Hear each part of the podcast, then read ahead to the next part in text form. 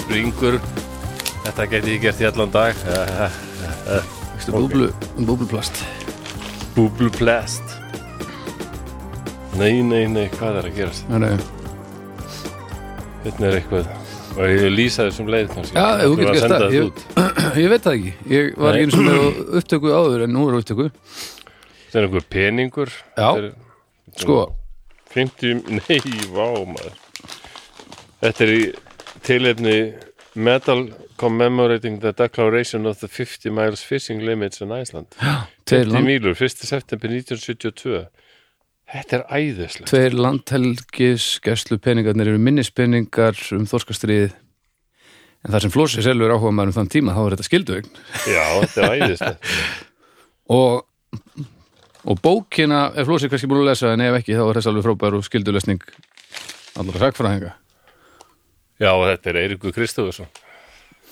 Þetta er rosalega kall ah, Eldtressi heila öld Já, já, Það er eiginlega- rosalega Það er alltaf lígi Guttpenningurinn sem hún Yes, heldur hún go, lá go, go er minnispenningur um fallna þýska herrmenn en eins og flósi komaði einu þettum þá var ekki þýski herin í setni heisturutinni allir nasistar Nei, heldur var þýski herin að bera- að berast fyrir Þýskaland og fórstöðurina ekki Já. hugmyndafræði nasismann sko. það er nefnilega vill oft glemast, sko mm. Ég hatt einen kameraten, já. Ég átti, ég hafði félaga. Já. Þetta eru fallna félaga. Rósalega. og svo benda líka á Nýmáls að vergessen, gleymum aldrei þínu miljónum sem að falla. 1914 til 1945, ok. og svo er hann, já, benda hann okkur á þetta Arnarmerki sem Þýskaland hefur notað náttúrulega að eilífu bara Ég er ekki viss um þetta sé nasista dæmi, sko. nei, Ég sé ekki nasista hana. nei, bara minnispenningur um fallna þýska herrmenn bara Já, og svo var hann bara að benda okkur á með hérna, með þetta arnamerki sem Þýrsaland hefur verið að nota ekki um aldinar þá er örnin alltaf að horfa til hægri sko. já, en nasistar breytti og leta hann horfa til vinstri svo sannur nasistar þetta er flokks æðislegt. Svo- Þetta er æðislega gefir. hann að s- það sannur flokks, nasista flokks fór ekki bara svona að merkja búninum sínum en ef örnin snýr til hægri er hann ríkisörnin en til dæmis í dag þá er það sambandsörnin Já. hann er með myndir hérna af, af En uh, því a- eru þau að gefa mér þetta bara eða? já, Nú, hvað- Gefa þér en þetta hvað bara? þú Hvað engar meinar- gjafir?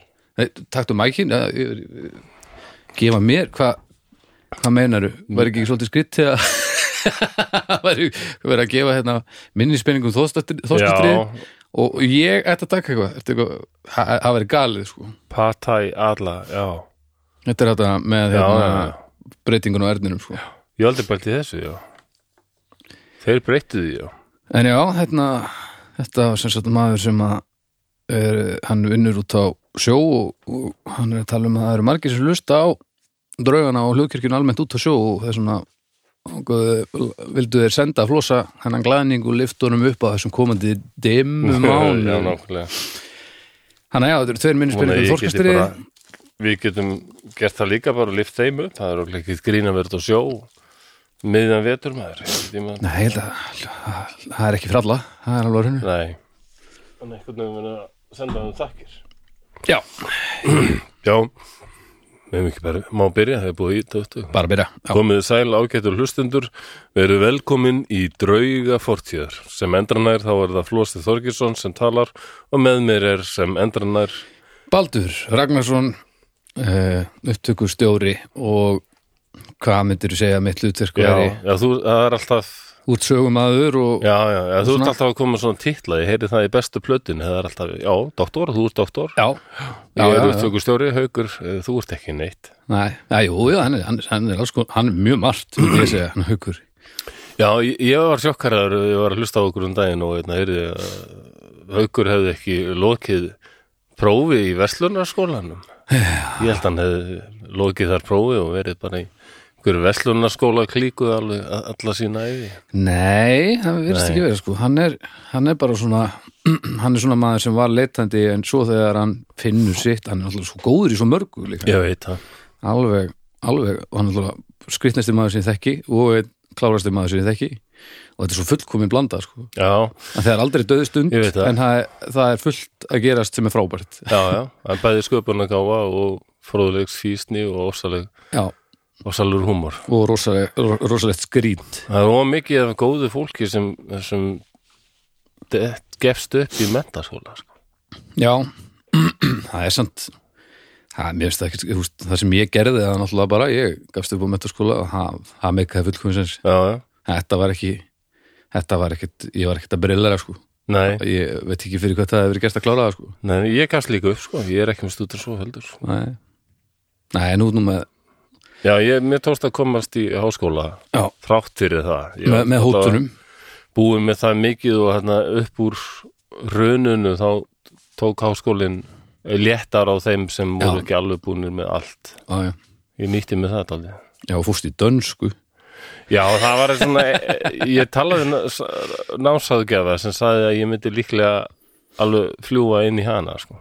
já, var það gateway, Já, gateway fæðið Það hafa þetta aldrei svona pælingin Ég Já, ákvað ég að byrja í henni og sjá bara hvernig ég fílaði það og ég fílaði sumt en þetta er svona tungumálanám þannig að það var hljóðfræði og málfræði sem Já, ég varst já, alveg drepleðileg já, og svo sá ég bara einhvernirnar hann fyrsta veturinn já, kláraði þetta vetur í dönsku Já. að uh, dönsk saga menning 9,5 já, já, alveg danskar bókmentir 9 já, og hérna hljóðfræði 5,5 já, já, já, já, já, akkurat Uh, já, ég er greinilega meira í kæftafögunum. já, já, það er Líka... líka Talaði eftir starfsáðgjafan sem er sem fólk á að nýta sér í öllum skólum náms og starfsáðgjafar. já, Þetta er fólki sem er skaman að leiðbena fólki. já, námsráðgjöðin í framhanskólum húsæk gerði sér allar besta Já. ég, ég bara var ég var ekkert í standi til þess að- að að læra neitt sko En Já, það var alveg... alveg- Dóttir mín er að læra þetta núna, ég En er það var rosalega reynt, ánægð með sko. þetta. það var reynt sko Já, Já, þau, þau með eiga það sko Já, og, já. það, og það er ótrúlegt að það hafi verið reynt að því ég var aðalæði því að sofa fram á gangi ok. Já, ég, þarna, þetta, var- þetta var svona skrítin lúpa sem maður kemst í þegar að maður er búin að koma sér í aðstæður og maður líður ekki vel í grunin Mm. og maður veit að maður þarf að vakna morgunin eftir til að fara að gera eitthvað sem maður veit að maður líður ekki vel í og eftir að fokka upp Já, og þá tók kikkaði næturhafnin inn hjá mér sko já, já. og þá held ég mig vakandi alveg langt líka gat ekki verið lengur vakandi af því að það, ef maður fer að sofa og stittir hann til maður þarf að vakna og gera eitthvað sem maður lélur í þannig ég bara held mig vakandi alveg bara sopnaði, ég var bara svona að púla þig á þetta aðeins svo bara Ég sé sopnaði þetta ég bara, samt ekki alveg. sem sagt á kvöldin bara nú ætti ég að fara að sofa svo ég veri í standi til þess að fara í skólan á morgun en mér langar ekkert að fara í skólan á morgun og hausinn út um allt og eitthvað þannig Já, að, ég tekja þannig að alveg það. núna, Já, já. núna ætla ég að vaka þangt til ég get ekki vaka lengur sopna svona 5-7 morgunin eitthvað Mm sef ég þess að 2-3 tíma, mæti í skólan alveg stektur, af því að en hugmyndin var sérst, ef ég fer að sofa núna þá er í rauninni innan gæsa lappa stittara þang til þannig að mæti í skólan, sko. það var það sem ég var að bæla og ég var að reyna að treyna það og, og njóta næturinnar í róliheitum utan áreitis og svo mætti ég alveg hakkaður í skólan sem var nú ekki að hjálpa mér sko Mm, nei.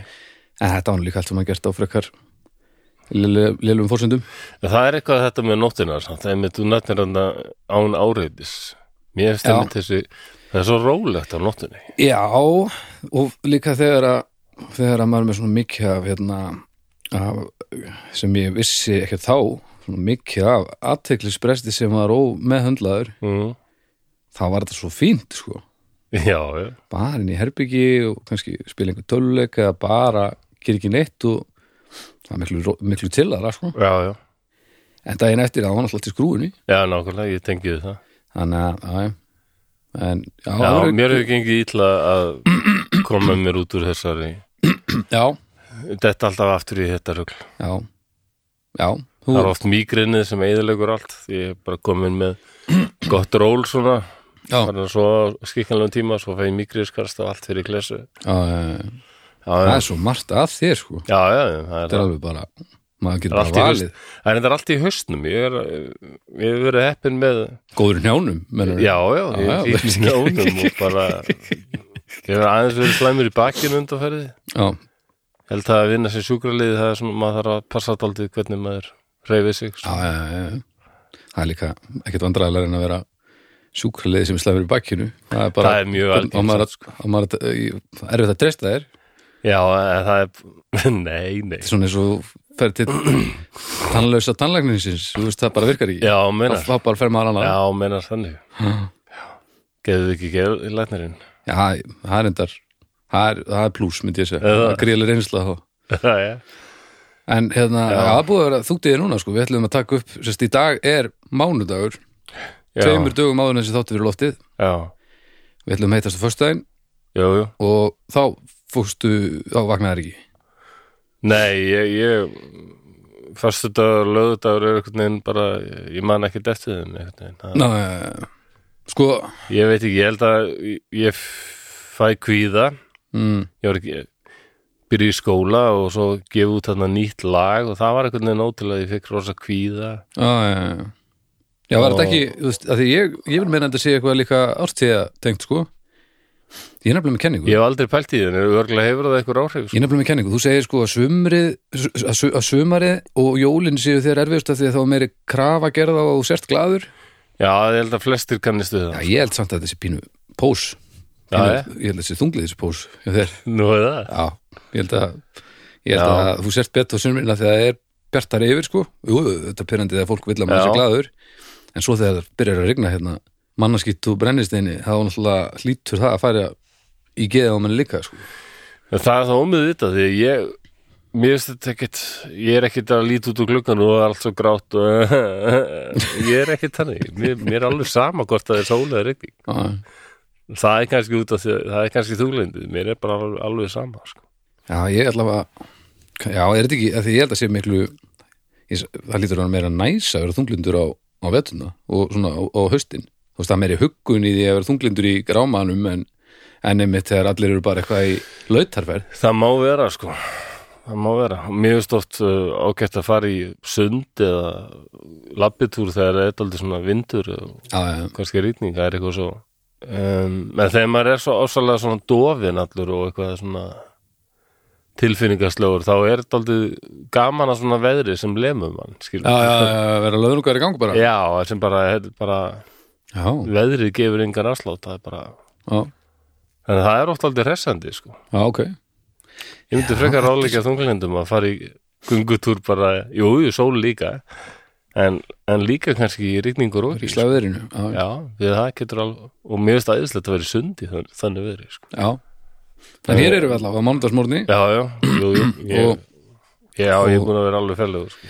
Já, já, það kemur fyrir við vissum þetta áður en við löðum í þetta Já, já, að þetta geti komið upp jú, jú það, það þýðir að, að hérna að þetta, þetta eru spennandi dagar framöndan Ég heyri ykkur stundum tala um mig hérna í bestu plötunni sem er nú það hljóðkirkju hlaðvarp Já. annað sem ég hlusta töl, mest á gott gateway, tölum við bara um bestu blötunum mitt já, Já, Ljókirkjuna, nú er haukur komin hérna og fyrir snæpen Já, ég haukur gerir mig oft eh, og hefur í gegnum tíðina ég er nú þekst alveg í einhver ár já, uh, gerir mig oft brjálaðan, mér finnst hann hafa svo furðulegan smekk á hlutum sko. aha, hann hefur þá líka Já, er það? já, já, já, já, A- a- margt, margt skrítið sko, Já, en hann er alltaf með einhver rök á bakveða sko, já, það er mikilvægt, það er alveg rétt já, já en þau eru ekkert alltaf frábær sko en það er alltaf, og stundum eru það persónulega maður tengir ekkert við þetta sem mennjulegur einstaklingur skilur. Nei, nei, nákvæmlega, akkurat, það er en, þannig og það er, þá hugsa maður bara hvað er að gerast þetta en, en þetta er alltaf raukrétt heldur fyrir honum sko Já, en hérna, mér finnst hann stundum með svona sé bara verði ansettin af einhverjum Já, hann er yfir, yfirleitt bara alveg eh, bara mjög kúl og klár og bara með réttu skoðanirnar á, á, á rockinu og bíómyndum og svona, en stundum er svona, svona 50% af tímanu verði ansettin af einhverjum algjörum fábjóna sko, sem bara hlustar bara á Incubus og er bara eitthvað, já, Stanley Kubrick, ókýslega kúl maður, já bara, Vó. wow. bara, bara bjána sko. Hann bara, Houses of the Holy með Led Zeppelin ég, ég, ég var bara, ég gæti ekki hlusta hann á þátt ég var bara brjála Það er gleðum mig. anskotast maður það er aðeins um manni og bara, ég get ekki hlusta á haug ég sé það, En hvernig en fólk- svo ákvað ég að hlusta á kraftverk Já, ég og ætla að haugur segja það. bjargaði þeim þætti bara Já, og, og hvernig ég var fannst þér sammála öllu sem hann sagði sko. hvernig fannst þér stefið, hann sér satt rýmiksaði Já, bestu já. plötu stefið í, í stíl kraftverk verks. það var fínt sko, það var gaman að því ég bara- skemmtilegt, já, já. upp á brot skemmtilegt upp á brot sko. já, ég myndi segja, það lýsir hauki ágæðlega hann Já. er skemmtilegt upp á brot mm. það, er- þarna, ég er alveg sammála honum með, að þetta er líka mín uppfórs kraftverksplata, trans já, Europe Express tuk, tuk, tuk, tuk, tuk. og En mér já. finnst hún alveg mér finnst hún alveg bara eða nökralust listaverk Meistarverk. Já. og ég er svo ánægð með haug þegar hérna, Arnar Ekkert sagði allavega að fara að tala íllum held ég hérna, sjórum dummies mm. og haugur bara, nei, ég get ekki setið undir þessu Ég- það er já, haugur akkurat, ég er meður liði Já, gott, þá þá hefur við fundið samlega aftur já, mér, ég ma- man ekki hvort því sem búin að klára þáttin en ég veit ekki hvort það kom nógu skýrt fram að því ég er náttúrulega óbúslegu kraftur gæðandi að að þriðji aðilinn, Karl Bartos hann varð alltaf atkvæða meiri og atkvæða meiri og þessi computer world, Já. ha- hann semur eiginlega bara þá plötu sko Já, það, já, það, er, við komum- hann segir það allavega það Það ég er var ekki lítið ástæð kom- til að rengja hann sko Nei, það er aldrei ástæða til þess að rengja fólk sem sé er Nei. að reyna að eigna sér hérna, mestarverk hann var bara hann svona pyrraður á því að þeir voru alltaf að láta líða lengur og lengri tíma á milli þess að gera eitthvað og Já, svona já, Og En maður, já. ef maður heyri það sem hann hefur gert eftir að hann hætti í kraftverk já, hann er aldrei meira svona í þessu já, já, já. eitthvað svona ding. Næ, þetta var róm mikið Þetta var bara country Já, þetta var, já, kraftverk er ekkert svona, það er bara Nei. þrýr tónar Ding, ding, ding, ding, ding, ding Dú, dú, dú. En já, besta platan, Já, förstum að- frábært, ég Eh, elska bestu plötuna Tjekkið á, tjekkið á henni uh, Mæst alltaf að ég hlusta á listamenn, ég hugsa að það sé Já. eitthvað sem ég fíli Eh, ég, ég er nokkuð viss um það Já, Það er þegar þú ætlar að fara að leggjast niður á kvöldin og setja hlaðavarpi eirun á þér í staðin fyrir að horfa á eitthvað og sopna aldrei já, já, já. Eh, þá skalt, þú skalt fara í listamennina af því þeir eru alveg slakir og alveg glæsilegir en hvað er gott að gera að öðru, styrtaræðlar það er að sjálfsögðu Borg og Bríó Já, Borg og Bríó eru búin að vera með okkur að hvað, ég veit ekki hvað þetta eru langu tími þetta er orðin næstu í ár sko. já Sem Minn er- þetta hafi verið síðasta haust sko. sem er alltaf bara alveg magna í ljósi þess að- að það er innan við eitt og hálft ár síðan við byrjuðum sko. Já, ég er einmitt að drekka hérna núna já, við erum með sunnu, Já, sunnu hérna í, í, í glösum já, Þetta er að þessari setni lögun, ég veit ekki hvort hún sé til í búðum ennþá, ég held það nú, en, en hérna vonandi er hún til og vonandi er allavega náðu að smakka hann ef hún er ekki til, en eh, annars geti ég alltaf farið náttúrulega í bríóin, bríóin er alltaf til, ófengi, já, já Hann er, framúrskarandi já, hann er ljómandi. alltaf til Þannig að takk, Og svolítið bara orðin svona klassískur í mínu lífi eitthvað. já, þetta er bara svona e- eitt af því sem að, að þarf að vera. Þannig að takk Borg og, Já, og, kærlega. og Bríó fyrir aðstofuna og svo eru við með annars styrtalega Nei, það, Já, það er bónus með bónus aftur bara Já, já, já, já bónus fer, fer aldrei langt sko. Já, já, frábært að heyra Og hérna, hlustendu vita nú hvað hva bónus er það, Já. er- það er hérna Hvernig lágur við verslunin með, með svíninu Já, já, ö, eins og, eins og flestir krakkar kallaða nú vantar þið þóttæfni, farði í bónus Vantar súkulaði, farði í bónus Vó, Það er bara hægt að fá allt í bónus það er meira og minna sko Og, Lærbuxur meira að segja já, já, f- fyrir klófið Já, fyrir klóf Já, já, Já, þú En ert að hérna- vinna auðlýsingastofu ég Er klófa við Bert og Nærbuxur Kalt og- fyrir klófið Eitthvað svona Já, já,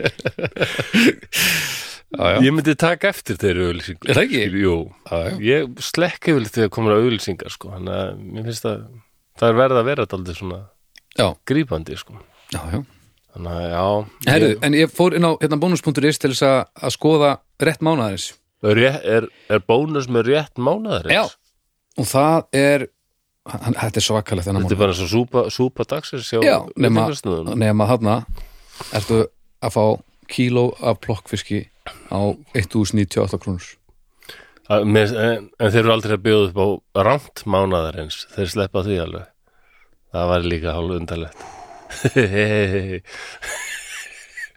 Ok Hvað Ég- ég... sér fyrir jú? Bónus er að bjóða upp á hvað? Nei, ég, fyr, sorry, ég er bara að velta fyrir mér hvort að hvort að við eigum að o- opna þess að auglýsingarsistuðu saman eða hvort ég eigi kannski bara að gera einn Já, nei, ég að ég gera kannski bara einn Jó, jó, Já, ég held ég það. held það En já, kíló af plokkfiski 1098 Það er ekki mikið Það er svona dungur þá getur maður að fengið sér plokkfisk Já, dreift þessu yfir, ó, djúlega plokkfiskur góður þegar hann er mjög góður sko Það er, þetta- og sko ég í grunninn aldrei verið mikill fiskmaður Nei. en blokkfiskur, mér líður ekki eins og þetta sé fiskur þetta er eins og harðfiskur, Já, harðfiskur er ekki fiskur Mér fannst það vondur þegar ég var krakki, blokkfiskur. Já, það er eitthvað Já, með, með bara þetta, hvernig þetta, ég veit ekki hvernig maður segi texture á, á áferð Já, akkurat, já, áferðin einhvern veginn og þetta er komið upp í munnin eitt svona, ah, Já. að, Ég held að sko fyrir mér að allt það sem ég þoldi ekki sem barn var eiginlega ekki tengt hlutnum sjálfum heldur ég þurfti að borða þetta af því að þetta var í matinn.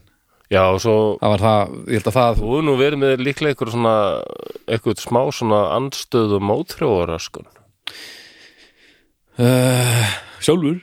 Ha, ég? Nei, ég bara var að Já, fylla Mm. upp í varst væntingar bara- einar Fórst ég mótrjóa bara Já, já, já, já örgulega eitthvað en ekkert eitthvað stórkostlega aggressívan held ég, ekkert, ekkert sem er óðalilegt þegar maður er Nei, ok, að reyna að finna út, finna út úr því hver maður er nei, mitt en hérna plokkviskur, bónus Já, Uh, þið finnið þetta í öllum, öllum bónusverslunum ú- út um all land og, og það er sama verða á svo uh, allstáður á landinu mæ- mæli eindriðið með því og örgulega bríu og plokkfiskur fyrir vel saman, held ég Öss, Já, nákvæmlega það er svakalur það er bara um að þjóðaréttur sem, gera, að, sko Já, þjóðaréttur sem að, eh, við getum alveg byggt heimsveldi á sko uh, þannig að takk já, bónus fyrir hjálpina og uh, takk Borg og Bríó takk hérlega fyrir og takk hérna takk mam- hlustendur mamma draugana og stuðnisfólk það sem- já, mamma og takk Guð já, takk við og bara takk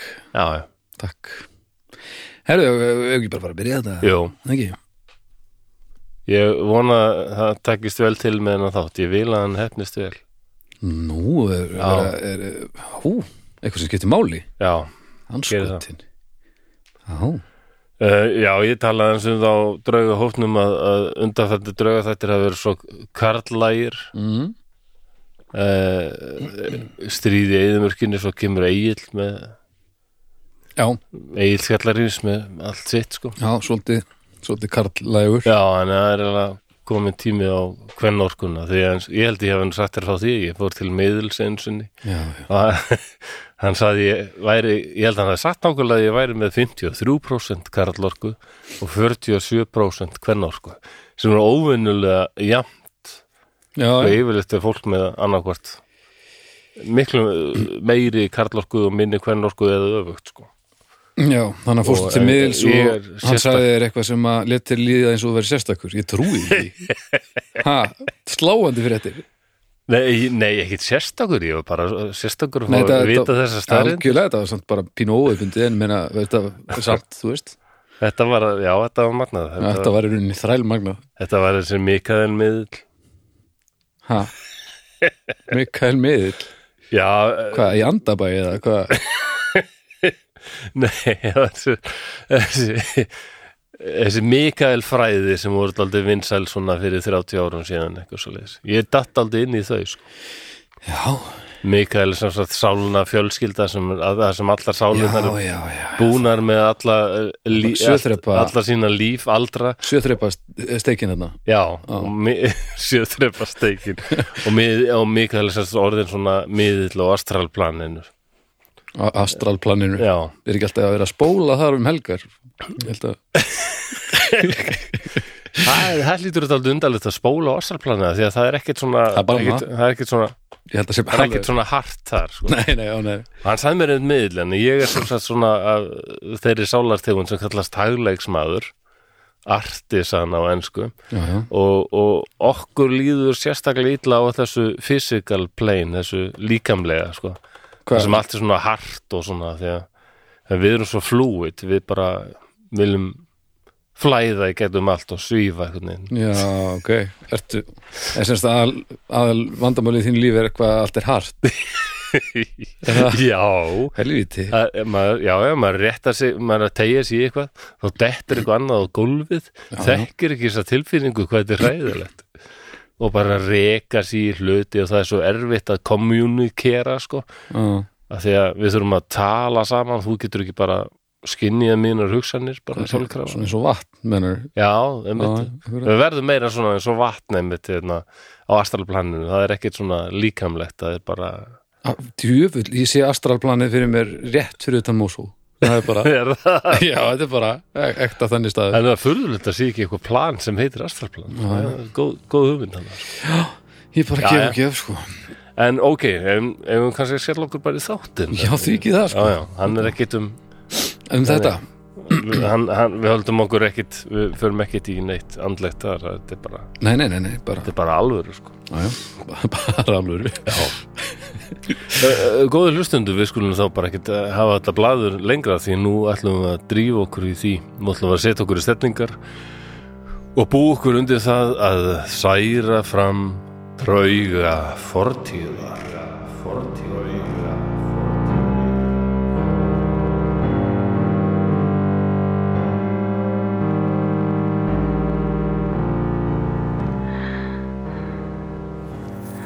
Þær hafa nánast ekkert sofið. Húsið er ekki upphittað og nóttin var afar köld. Þær urðu að sofa á hörðu gólfinu.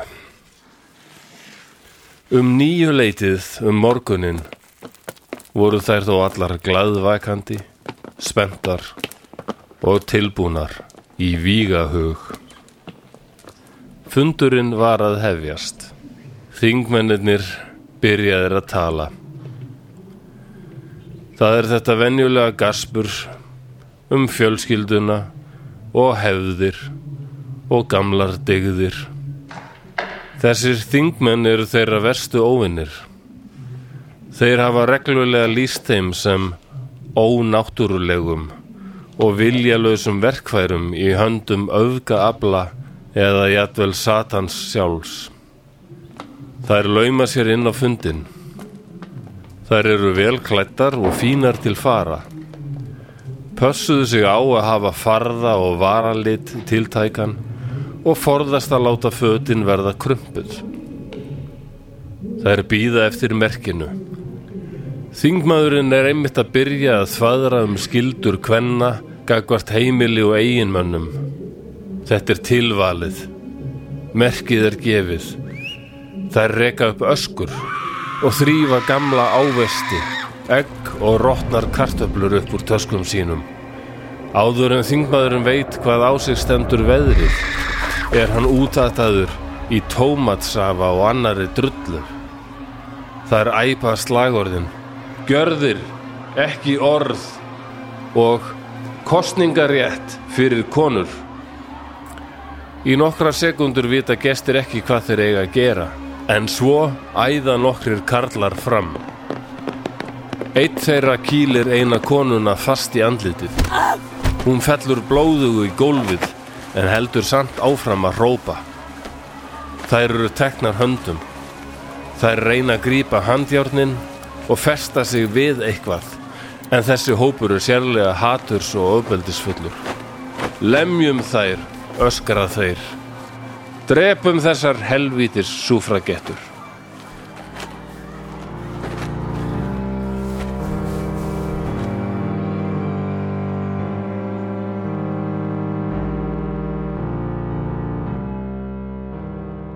Og þá er lesturinn búinn þetta, ég held að ekki að hafa þetta neitt langt, stundum er þetta orðið svo ferlega langt fram hjá mér. og- Já, og en óeðlilegt. það er samt oft, oft skemmtilegt sko Jæja Þá hef ég bröðvist enn og aftur Nei, en, en, nei, þetta kemur svo vel núna af því að, að því að þátturinn fyrir lottið á, á eftir, basically eða, þú Ég veist. veit, ég, við, erum- ég, ég, ég brást á föstudaginn og við erum að taka upp á mánudaginn En þetta, og þetta, og- já, og Baldur þarf að vinna þetta núna já, svo blessaða þetta sé vertu tilbúið á miðnætti og þriðudagi Já, blessaða vertu, við, við tökum þessu, við, við vissum hvernig þetta gæti orðið áður en við lögðum í, í þetta ferðalag sem Já, já. draugarnir eru Ok, það er gott að og... og, og, og þetta verður ekki vandamál En heyrðu, já, Já, um það, er ekkert annað Ég gleymi því ótt að það er ég er að taka þetta upp að það er náttúrulega þegar, þegar hlustendur byrja að hlusta þá er náttúrulega er komin lýsing og nafn og svona Já, Þannig að- já,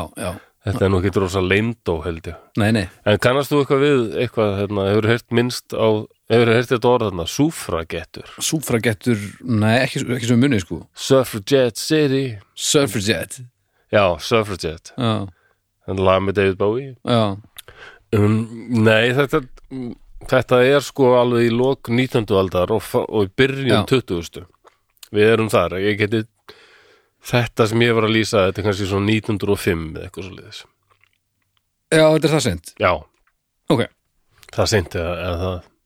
já, ég, ég held þetta ég held sem sagt að þessi baróta væri hérna, já, við mitt í kringum 1900 en, Já. en tegir þessi ekki Jú. alveg undir 880-90 eitthvað Þetta voru náttúrulega margir áratugir sko já, en ég- já, okay. ok þetta, Já, þetta er náttúrulega rosaleg barátt og er svona öll barátt að þetta tekur svo langan tíma já, Ég held við höfum aðeins komið inn á verkefliðsbaráttu til dæmis í, við vorum að tala um fátækt fólk Treyku Emilsson og það já, að þetta tekur allt rosalega langan tíma að berjast fyrir þessum réttindum sem við tökum sem sjálfsögðu í dag sko. já, já, vera að berjast fyrir réttindum Já. og aðrir eru að einbetta sér að því að, að hlusta ekki já, já, og ég hefna, og er að berjast gegn því akkurat og hefna, ég uh, það er he- heimildaminn sem ég var alltaf hrifuna sem heitir Fed Up sem er um sigur um sikur, já, það Ok. er bara þró hvernig sigur er notaður og hann var um margt, hún var um margt meira og mikið kom inn á reykingar líka og þar kom fram sko þessi bara það gegn reykingum já, það tók langan, langan tíma sko. já, já, já, já.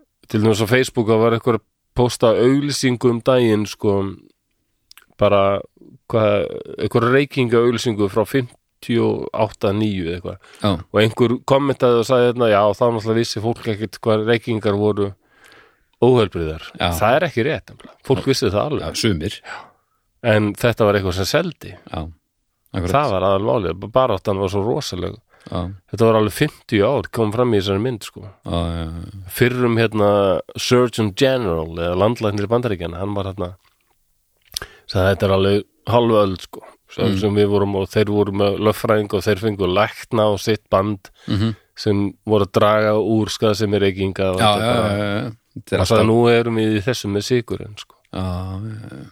það er pínu pyrrandi að maður það er ekki sens að vita til dæmis hvað er búið að leysa í heiminum Þú veist, hvaða sjúkdóma er búið að já útrýma bara já, Sem- þú veist, það væri örugglega hægt að útrýma einhverju en það bara borgar sig ekki fyrir ákveðna aðeila sko. Þú veist, þetta, er, Já. þetta er svona, þetta dansar á einhverju samsæris, jú jú maður gerir það samsæris svæði sko. já en ég meina, við höfum alveg séð það að- að reykingar, það var ekkert kifti, bara kifti í alla spottana þegar að komi ljós, nei, heyrðu, þetta er svona óvöld það var bara að fara í að hilma yfir því og bara já já, blóðmjölkut eins og mögulegt var já, já.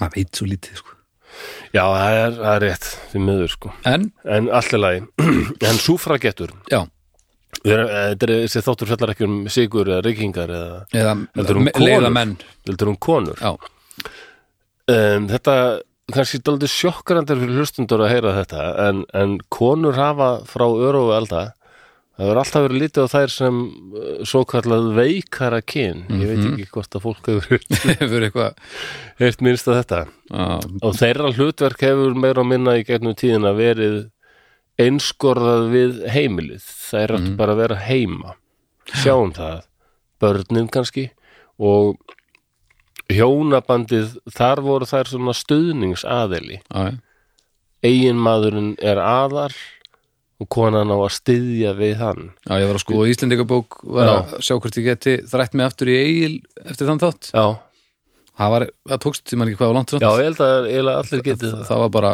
be- beint svo tekka ég reyndar axlabinni líka og ég er ekkert, ekkert tengdur honum Nei, ekki ég heldur en hérna, og þá ef, það er svo stutt það er svo óbáslega stutt síðan að- að að titlarnir hjá öllum konunum í minni línu er bara húsvega já, og það, það er bara áðan skilur, Já, það, er já, það ekki er það. þannig þetta eru bara tveir ætlir eða þrýr og svo bara Já. erum við komin bara í húsvega, Það er húsvega, alveg hárrétt. húsvega sko. það er allan bara var, gerðir sér gær að þær fengu leifi til að kjósa og fara í skóla og svona sko. Það Já. er bara...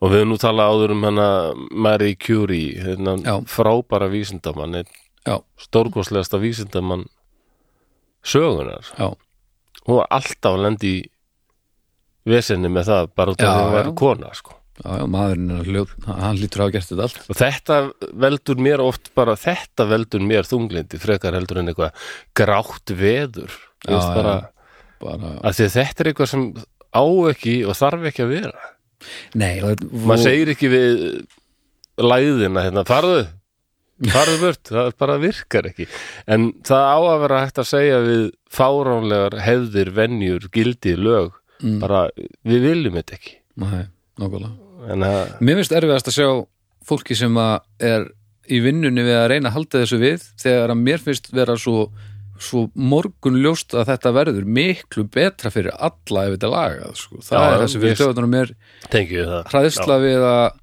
missa eitthvað sem að þér finnst þú eiga rétt á af því að með ble ble ble ble ble ble ble ble mm -hmm. hún yfirtekur rökhugsun sko. Já, en við- eins og kemur fram í þessum þætti sko, ég held að flestu nútíma fólki finnist þetta bara fáránlegt að þessar konur þurft að standa í þessu að því að núna tökum við bara, Flestu bara nútíma- konur bara fyrst nútíma kjósa, það fólki er bara, þá á svona okkar okkar Já. svæði skulum við segja því að það er náttúrulega það eru, þetta er ennþá í gangi náttúrulega Já, já, í mörgum löndum er þetta en og það er eru náttúrulega mikilvægt bara- að vita hvernig hlutirnir voru finnst svo er þetta bara að taka skrif aftur á bak eins og í, Ég- það er nefnilega það er nefnilega hættan, það er alveg hægt sko sagan er ekki endalus frammynda, það getur alveg orðið bakslag sko. já við erum alltaf bara að horfa á það núna það er bara að vera að taka skrif aftur á bak í Afganistan og Já, þar, já, já, Já, og það er hérna, við sjáum það til dæmis með konur sko eins og bara hefur verið í bandaríkjunum og annars staðar ef hérna kona heitir Jones og hún giftist einhverjum manni sem heitir Smith þá breytist hún bara í Smith já, taka eftirnafn eigin mannsins mhm og hérna á Íslandi höfum við til dæmis það að, að giftast og kvænast er ekki það sama sko mm. já, Ka- í rauninni þá er- var það þannig að karlmenn giftast ekki það er konur sem gera það karlmenn kvænast já já, og er það hlaðið einhverju já merkingu, það er út af því að gifting er komið af skuldbinding einhverju gjöf nei, konan er gefin manninum konan giftist manninum og maðurinn gengst við gjöfinni já, flottir og, og þa- þannig var þetta bara ég menna bara ok, þegar, og þegar kona hefði gifst þá var hún meira meina hún var eiginlega eign eiginmannsins sko já okkurat, hún var eiginmaðurinn sko eigin konan já, já og þannig var þetta bara um í aldaraðir sko en svo er Það- einn af mínum uppáls heimsbyggingum hann kemur hérna að þessu sögu hann John Stuart Mill já, sem er alltaf sem faðir liberalismans og svona og hann var mikið undir áhrifum frá þessari upplýsingu sem við höfum aðeins talað Já. um líka okkurat í hvað þætti voru að tala um það ég maður ekki, það var upplýsingin, hjálp allavega, Já, 1865, þá er John Stuart Mill, hann er hérna val, hann kemst á þingið í Bretlandi Mhm. og hann barðist fyrir því að konur fengju kostingarétt og 1869 þá gaf hann út hérna reitgerð uh, sem hérna hét uh, The Subjection of Women mm hérna, sem örgulega hefur einhverja sérstaka íslenska þýðingu Æ, hún, ég veit ekki hún heit Subjection of Women subjection, bara hl- hlut Já, já, eða svona, já, og hún- allavega var það, ég veit ekki hvernig að því þetta, en, en hann var hlindur meira jafnræði, sko, já, og kvenréttindum. já, Enda var hann, hann var vel kvæntur, þarna, Mm. hann, konan hans hétt Harriet Taylor Mill, mhm uh, tölvöld yngri en hann og hún var nú, var nú ef ég mann rétt gift, verið sér þegar þau hittust, ok, en þau eru bara þau voru bara óaskiljanleg eða eftir Já. þau hittust sko. Já. og þau eru svo hrifun að hvort öðru ekki síst sko, hann var svo hrifun að henni þegar hann uppgötaði bara hann var náttúrulega rosalega klár John Stuart Mill, hann var svona mhm, algjör ofviti einhvern veginn ok og var ekkert sendur í skóla því að bara, hann átti ekki- átti ekki teima þar og bara læriði bara heima hjá sér já, já, já, já og svo langt að undan sko en þarna ekki hittir hann sendur bara konu skóla, sem, hefði bara hægt á honum þarna hittir hann bara konu sem eru bara jafn og ekki hans sko já, já, já, hvað var þetta greind og bara þannig að þau dróður svo að hvort öðru, ekki síst fyrir það sko. ok og á endanum þá skildi hún við hennar mann og þá var skandall og, og gekk til og og, hérna, ko- og giftist hún John Stuart Mill mhm, og en hún samdi hann viðkend alveg setna sko að, ég meina, að eiginlega allt sem hann skrifaði mm. eftir það, hún tók virkan þátt í því líka sko að semja Já, og þessi rítgerð þarna, hann sagði hún á alveg minnstokosti, sko, helmingin í þessari rítgerð um, um hérna, sko um konur og hlutskipti þeirra og, og hvað, og hvað jafn, meira jafnrætti myndi koma öllum til góða sko. já, já, já, og hann vildi sem sagt að þegar hann alltaf var að gefa út þessu rítgerð hann sagði bara nafni þitt þarf að verða líka bara nöfnin okkar bæði og hún sagði nei ef þú vilt að vera tekið marka á þessari rítgerð já, já. þá hefur ekki að hafa nafn konu þannig Svona, þá já, lest enginn, það tekur enginn marka á þessu nú slöku á prinsupum til þess að búa til að sem Já. sagt hafa alveg áhrif Já, hún vissi það bara, ef þessi rítgerð ætti að hafa áhrif Já, það var miklu meiri áhrif ef það var bara karlmaður að setja þetta fram akkurat annars er þetta bara sagt bara já, hann er bara að láta konuna stjórna sér þarna já, já, já Já, en hérna líka 1865 þá er hérna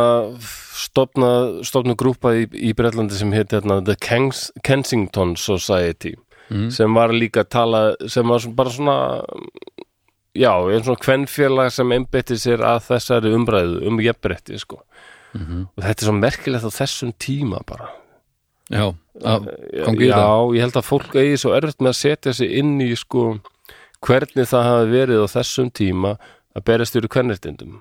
Já, og ekki bara það þú veist, ba- ekki bara það að gera það heldur líka bara að, að byrja að hugsa svona Já, uh, og, og sem sagt búa til struktúr á það og fara nýtt með í þetta af því að, þetta þótti fáralu hugmynd. sko. akkurat, þetta, þetta er rosalega róttækt og Já. látt frá því sem að hefur nokkuð tímann sérst nema bara einhverjum einhverjum menningar heimum Já, já. svona á einhverju dreifi í mannkjössöðinu sko. Þetta er nánast eins og við færum núna bara að Já. segja sko að kindur ætti að hafa meiri rétt en þær hafa. Sko. já, Ég veit þetta er trillt samlíking já, já, en nánast. já, Þetta er svo þá skjössal út í hött. Með þess að Viktoria Brettadrótning, Mm. hún tjáði þessu um þetta sko. já, hún sagði að þetta væri bara það fárálegasta, heimskulegasta sem hún hefði hirt um lengi sko. já.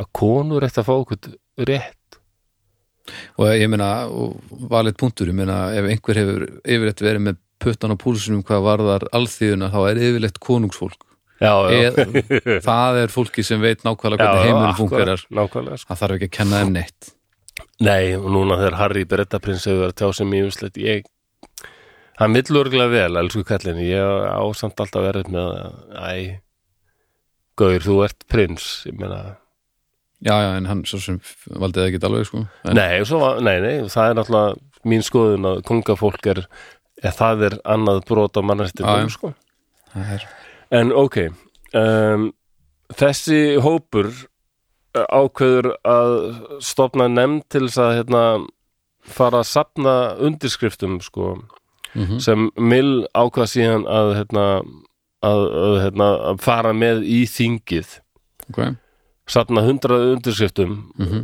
um, sem myndu var að krefast þess að konur fengju kostningarétt líka sko. Já.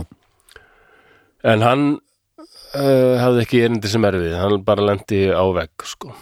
ok, og hann, hann skrifaði líka Reitger, hann var alltaf að tala um þetta sko með frelsi mannsir sko. hann var að tala um konur og, og svarta til dæmis já, um mitt í bandaríkinu og annars þar Mhm. að það er alltaf sko það var alltaf að tala, vera að tala um eðli kvenna já, og eðli svartsfólks að það Já, væri já. bara eitthvað þræla eðli og þetta þau, um, svartfólk var ekki jafn vel gefið og, já, og hérna og konur væri það ekki heldur sko. það er margt sameiginlegt þarna sko. og hérna eðli kvenna, þannig að hvernig getum við eitthvað að tala um eðli kvenna til þess að vita eitthvað um eðli einhvers þá þarf þetta að leifa fólki að, að, að hérna, þróast alveg sjálft og stjórna sinni í lífi, það lítur að vera já, já, akkurat þú getur ekki bara sett eitthvað mann í hlekki og satt bara, það er eðli hans að vera þræll Ha- hans aðeinslega verið í þessum hlekkjum sem Já. ég setti á hann nákvæmlega, já, það er líperalismin mitt, sem þessna fílaði daldi John Stewart Mill, sko, Já, hann er daldi minn maður, sko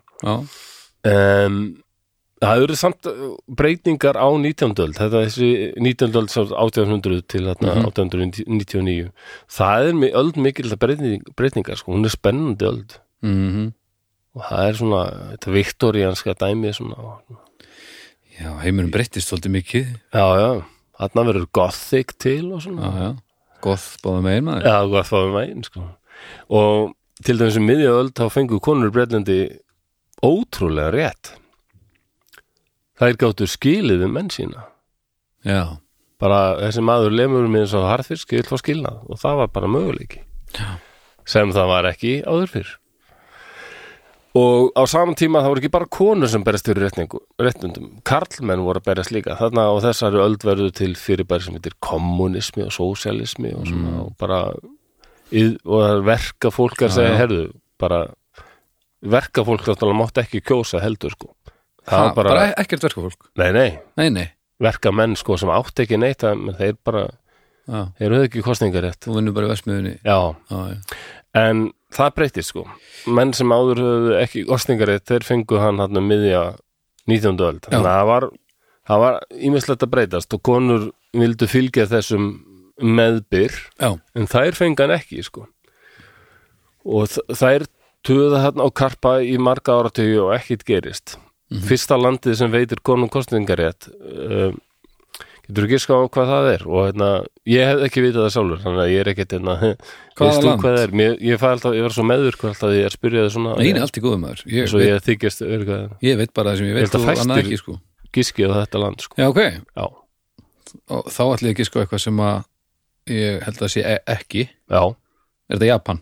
Nei, þetta er þetta er svona hvít þjóð sko. Já, en ekki Evrópu ekki Evrópu Nei, við erum, einhver, við erum hinum hinum, Hinum hinum, megin. hinum megin á jörðinni mér. Hvað erum við bara, e- ekki er það Ástralía bara Já, Nýja Mjög Sjáland nálætt Nýja Sjáland Já, Nýja Sjáland Sjáland Ha? 1893, fyrsta landið sem veitir konum kostningarætt Nýja Sjáland 1893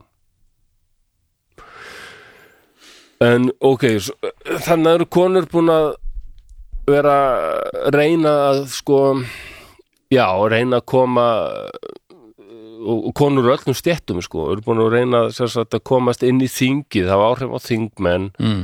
setið í, l- af því að þetta þarf þurft að setja í lög en það eru búin að berjast fyrir þessu svona já, með því að tala og dreifa einhverjum miðum og svona á friðsamlegan hátt Mm -hmm. og það kemur að því að þú er búin að berjast fyrir einhverjum mjög friðsamlega þú nennir því ekki lengur Nei, nei, það er alveg rétt þú fer bara ferð þess að nei, ok, þá þarf bara aðrar aðferðir Það þarf bara að fara í- og ég dýrka súfragettunar, mér finnst það ræðislegar Ok. mér finnst það frábærar ég bara, ég bara og núna komið að konu sem hérna ég var með þess að leita á netunum daginn Mhm. hvort það væri hægt að fá hvort ég geti keift sko svona ból með myndavinni Já, ok þau mér finnst hún alveg æðisleg sko hún heit Emmeline Par- Pankhurst Ok. og hérna ég fann að það er hægt að fá ból með myndavinni þar sem hún er bara og það eru svona fjóri lögreglumenn í kringum hana sem er að halda á henni halda í hendurnar á henni það er að taka hana fasta mér langar svo rosalíðina ból Já, láttu vaða flósi Já, það ekki. Jú, jú. Emmeline Pankhurst, hún var fætt 15. júli 1858 okay. og hún var sem sagt í hérna þessum hópi sem hérna, mér minna að við heitið tvöfald var SI eitthvað svo leiðis.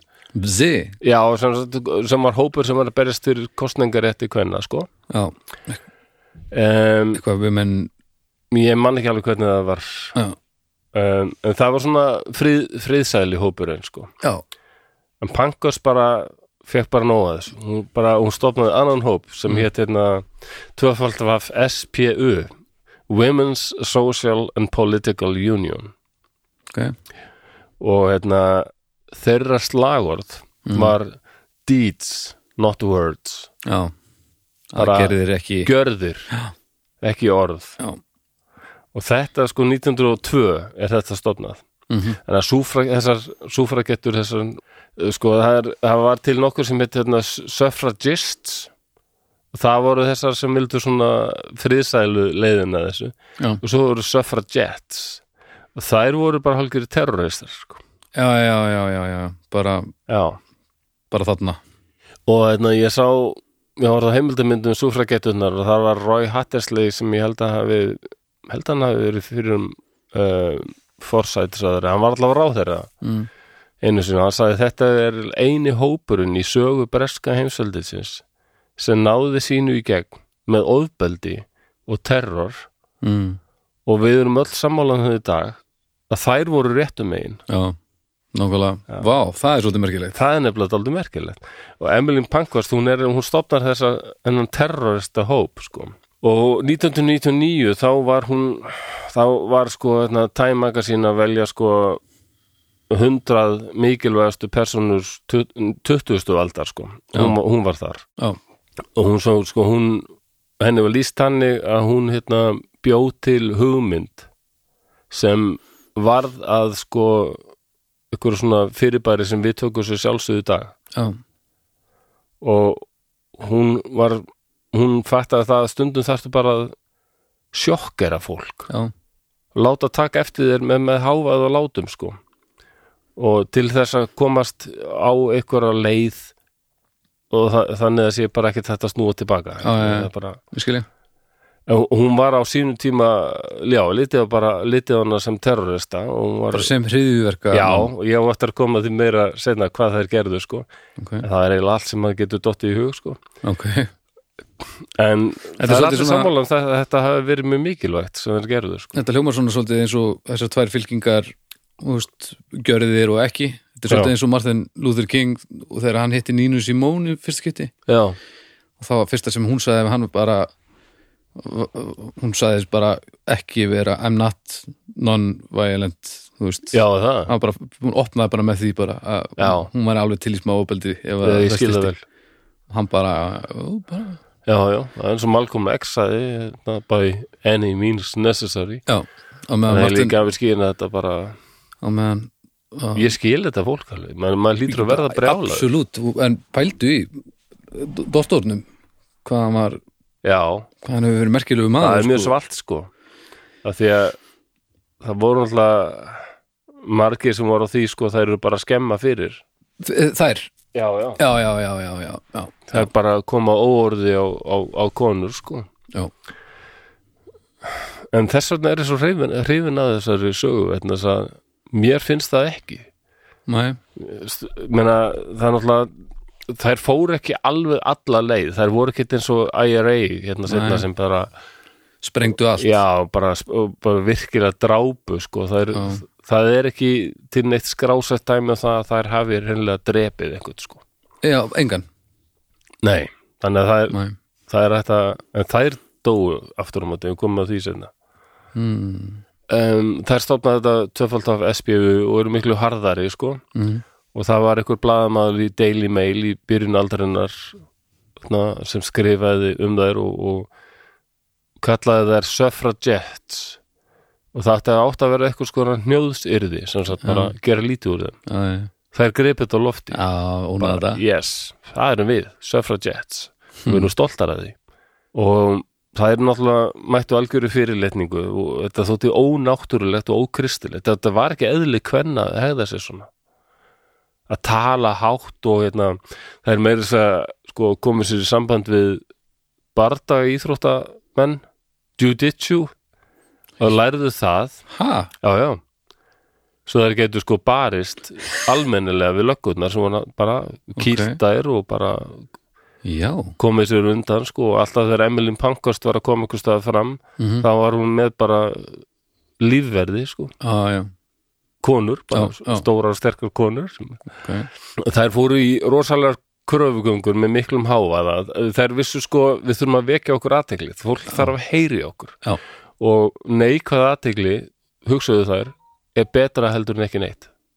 Já. Og þær fóru að gera svona eins og ég lísti þannig byrjun sko, að hleypa upp fundum. Mhm. Bara æða fram og byrja að öskra, grípa fram í, æða kannski bara upp á svið Mhm. og öskra okkur tingmann sem var að halda ræðu hvenær allar að gefa okkur rétt til þess að kjósa hvenær mm. fáum við rétt til þess að kjósa svaraðu núna og þetta, og þar voru fljótlega sko handteknar og, og brennimertar þannig að þær fengu kannski ko- koma á einhverja fundi Mm. og þá fóru þær að gera þetta eins og ég lísti þarna í byrjun sko Mhm. koma sér fyrir bara á staðnum daginn fyrir Já, sko, já. og byðu bara Hanna, já, já, þetta mist þetta eðislegt og svo byrja fundurinn, þá koma þær bara æðandi bara já og bara málið var þetta að láta heyrast nógu hátt í sér Mhm. kostningar eftir fyrir konur og einmitt þetta að- að að hlekja sig við einhverja hluti og þær voru oft í því að hlekja sig við handrið kannski á einhverju brú Ok, og svo bara liklinu var bara hent, hent til einhvers, af einhvers félagið sem tók líkilinn mhm, og þær byrja bara að öskra og æpa sko, og svo kemur löggan og það drífur náttúrulega fólk að Mhm. löggan var kannski heilmikinn tíma sko, Uh, já, losa. eða þær gera eitthvað, brjóta eitthvað rúður og svo hlekkja það sig við eitthvað Já. eða löggan kemur og þær halda áfram að öskra og æpa sko og réttur kostning, kostningar réttur handa konum og hérna bara þetta er brot á mannréttindum og bla bla bla og, hérna, og, og löggan alltaf þarf að saga Já, hlekkjum já, þetta já. tekur heilangan tíma og, og t- trekkir af já, áhorfandanum. og bara kemur fullt af fólki en þannig að hvernig þetta síðan, vakti rosa aðtegli hvað er það sem að síðan dreifir orðspórinu þaðan sko? það eru þá blöðin Já, og já. það er bara word of mouth Já, og yfirleitt var þetta mjög neikvætt sko. en, Já. en samt er margir sem fóru að hugsa skilur já, Mér finnst það aldrei heillandi sko, þú tekur eftir einhvern svona hó já, og kannski fyrstu viðbyrðin er, ú, mér líst, líst ekki á þetta maður fett aldrei að pæla í hvað þau eru að segja sko. þannig búið að opna líka fyrir þá hugmynd í haustum á þeir að þær geti gert þetta Já, nákvæmlega að þær, það er option að gera þetta ef maður vill það þvert á það sem að allir eru að segja þér að sé Já. möguleiki sko. Akkurat, og það er eitthvað, hvort sem þú ert að fíla það eða ekki Mhm. þá er ekkert þetta að loka á það þegar það er búið að gera sko.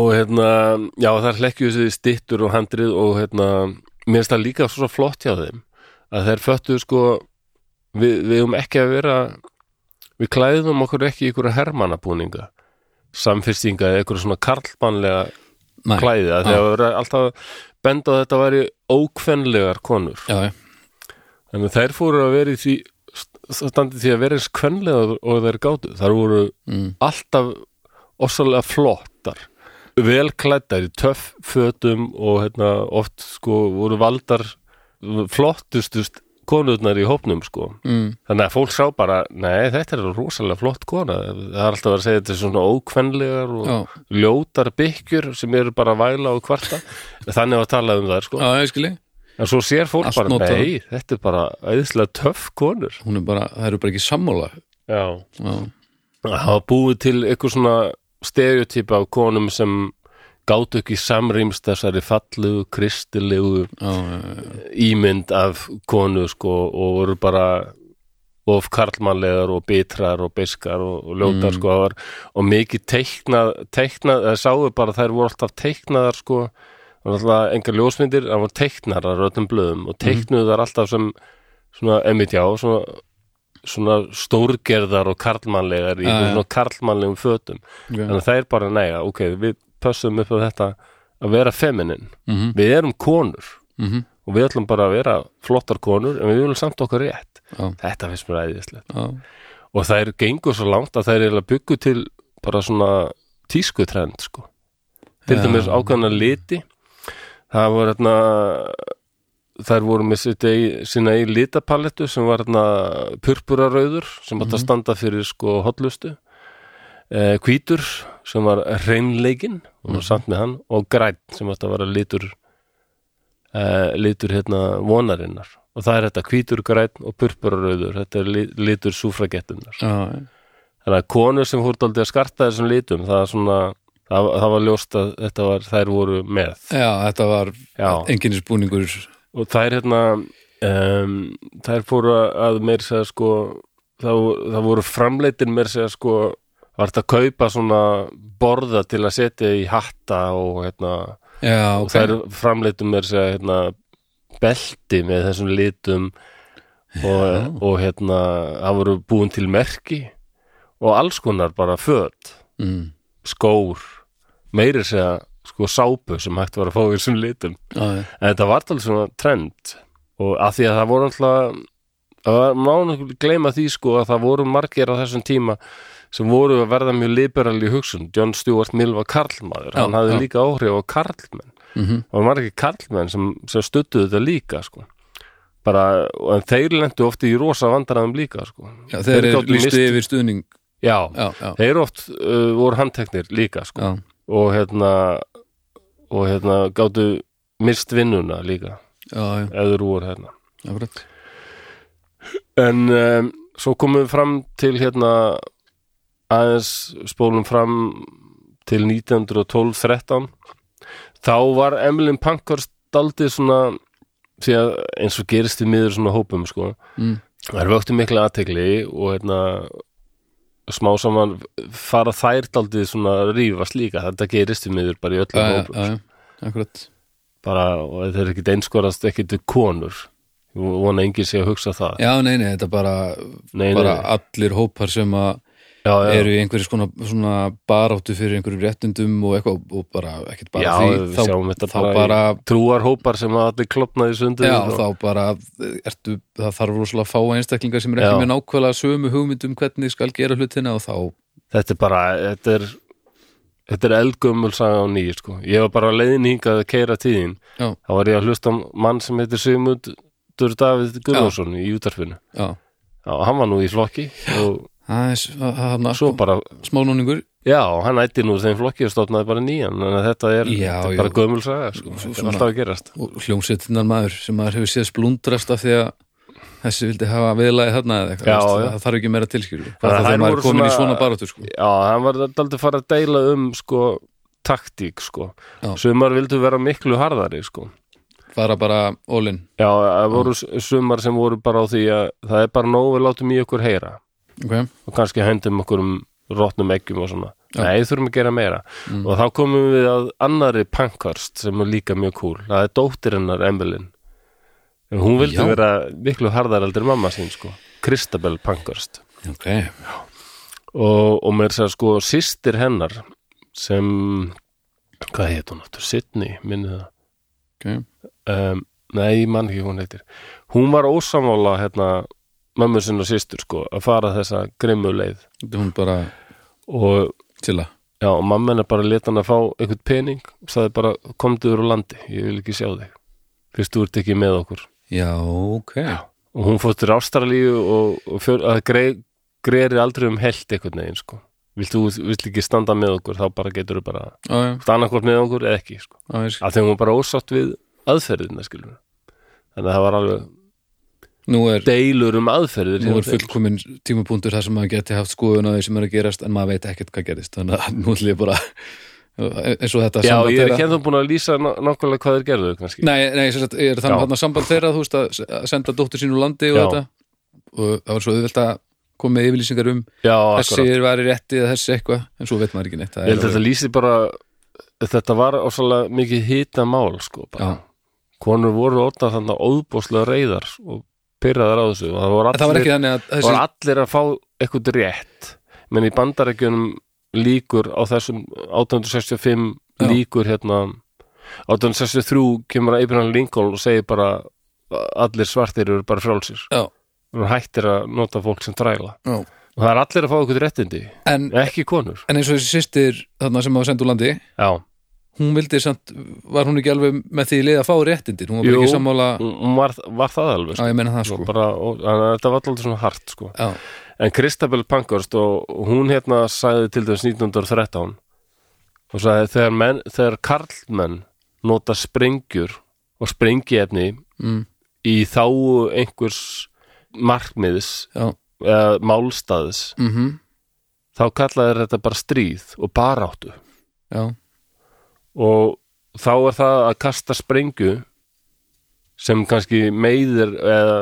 drepur aðra það er bara eitthvað svona hetjutáð mhm, í þá ykkur smálstaðar í stríði mm og okkur ætti kona ekki nota bara sömu vopn og karlmenn því að við erum ekki bara í stríði sann. við erum að berjast fyrir sko byltingu hvað finnst þér um þetta? Já, já, þú veist, ég ég er náttúrulega þar að, að það að henda sprengju í stríði er það sama og heng, henda sprengju ekki í stríði nema matritt öðruvísi En hv- hver á höndina á ekki að skipta neinu máli, sko Nei, eh, fyr- eh, það er kannski munur á því að, að fara yfir hálfan nöttin með sprengjuna Já. Veit ekki það? og er henda þar Já, og segja þetta fólk ógnar mér en ef þú ert kannski heima hjá þér og kemur, koma, eh, kemur innrásar hér já, já, já, já mér finnst munur á þessu Já, já, henda fyrstu sprengjunni, það er náttúrulega það vorstu yfirleitt rulli Já, mér finnst alltaf svona ég sé sko að það er að tala um bandarska hermenn sem eru rosa hetjur eh, hafa barist í Vietnam já, já, er svona eh, ef þeir flugu þetta einhver mörg þúsund kílómetra já, já. með byssur og lendi í einhverju öðru landi sem var, að be- var búið að berjast lengi fyrir sínu sjálfstæði já. Mhm. fyrst geitt frökkum mm og, og hérna og svo koma þeir, bandarækjumennarna og þeir eru rosa heitur og ég bara nei, ég Nei, og fatt svo- þetta ekki nei, alveg og svo voru þeir ekkert rosa hettjur það er ekki eins og það hafi gengið upp Nei, nei og svona eins og með Afganistan og svona sko, bara og, en það er annað kannski finnst mér að fólk sem barðist gegn þjóður með setni einstur já, já, algjörlega og ég meina að það þarf að svara franskir ansbyrnumenn og, að sjálfsögðu þarf að svara s- svara hlutum með, með hlutum skilur já, en það sem hún er að tala um Hún eh, var að að segja, sko- sjálfsögðu á þetta að vera það sama hvort sem þetta er kall eða kona hún Það- sagði, það- sagði bara við erum, þetta er bara orðið stríð við erum bara að fara að berjast með sprengjum já, já, ok, og, hún, og Emilin var ekki alveg alveg, vildi ekki alveg ganga svo langt sko. Nei. en þarna kemur Kristabel sko, og hún er alvöru sko. hún er bara, brjálið já, það var Já. bara hún sagði bara, nú fyrir við að búti sprengjur Já. og nótum eld ok, Það var að byrja að kveiki í hlutum og henda sprengjum sko. ok, Em, um, og skrefi meiri segja þá hérna, var ungur maður sko, sem var svona uppleið í hérna, sínu ráðuneyti sko, Mm. 1909 það var ráðist á hann sko, hann var lamin með hestasvipu af súfragettum já, þegar þegar hann var á hérna, hann var á hérna, lessastöð í Bristol lamin alveg sundur og saman wow þessi maður hétt Winston Churchill nei, var setna fórstisraðara og mjög frægur já, já, já. já þær fóru bara að ok, ráðast það, hérna, er- þetta eru aðgerir sko og hérna einhver tíma ég held að það hafi verið líka 1909 þá voru tvær konur sem myndu hérna Selina og Leslie og þær þóttust vera að selja appilsínur mm. og byðu bara Mm. að þær vissu það að fórsæstisraðaran sem heit Asquith sem var mjög á mótið þeim Mm. vildi ekki gefa þeim kostningarétt og fannst þetta fórhaldlegt eh, hann var heimisækja legupúl Mm og það er sátu fyrir honum svo kemur bíllinn hans þetta er bara nánast eins og Gavrilo Princip sko, að skjóta Frans Ferdinand ekki Já. hert og það er bíð, bíða bara mm.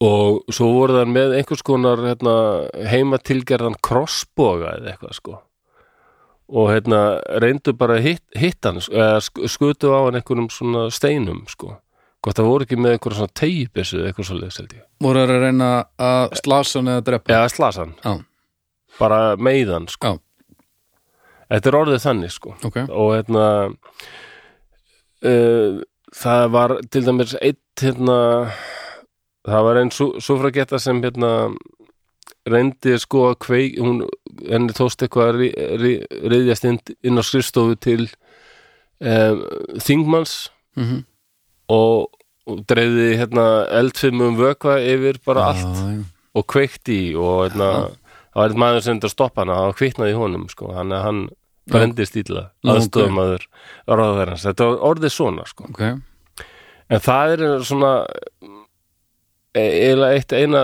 dæmið sem maður veit að sko einhver svona nánast saklaus maður verður fyrir barðurinn á þeim Og var það var það, uh, það var ekki viljaverk eða hvað? Nei, það voru ekki beint að reyna að drepa neitt sko, Nei. en þær vildu ganga mjög langt Já, sko akkurat og bara valda rosa usla og eðileggingu og þarna Já. voru alltaf, þær orðnar mjög svona uh, farnar að deila sín á milli um þessar aðferðir Já, já, já, og Emmeline var ekki alveg ekki alveg hrifin af því að þarna. Krist, henni fannst Kristabel ganga aðeins svo langt sko. Ok. Hvað er hún gömul? Hún, Krista þarna? um, ég veit ekki alveg hvað hún- hún var eh, á hún var 20 eitthvað Já, þetta er mjög merkilegar konur pankost konurnar já, en það var náttúrulega þær voru beittar ríkalegu opeldi líka sko já náttúrulega handteknar og löggan alveg landið þar sundur og saman og þar voru beittar, og- já, já, oft kynferðslu ofbeldi og sérstaklega sko, konur á lægri stettum voru mikil, mikill að hættu sko, þú ætti náttúrulega að lemja þær og bara Já, og engir lögga eftir- fram og tilbaka, Engir eftirmálar en þetta hefðar konur eða sko þær sem voru á efri stettum Mm. sluppu betur sko, og það var til dæmis ein hérna um, hefðar kona, hún var svona lafði, mm. lafði Já, já, lady já, já, Constance Litton hét hún ok hún ákvaða að dulbúast sem fátæk kona sko og tók sér bara eitthvað annað nafn sko Ok, og hún var handtekin og sett í fangilsi og þar var hún sko hún, hún- þær voru mikið í þessu að fara í hungur verkvall sko það var mikið vopp sem þær nýttu sér sko já, og þá var tekið upp á því að nauðungar mata þær og ég held sér erfitt að lýsa fyrir fólki hvað það var viðbjóðst snillega aðfærir sko. Mhm. um, það var bara tekin einhver fólk, fólk hefur haldin niðri Mhm. og það var bara tekin einhver svona túpa og það var ekkert verið að smyrja með neinu geli svo kannski gertir í dag Mm. og við erum að tala um kannski 1910 sko Já.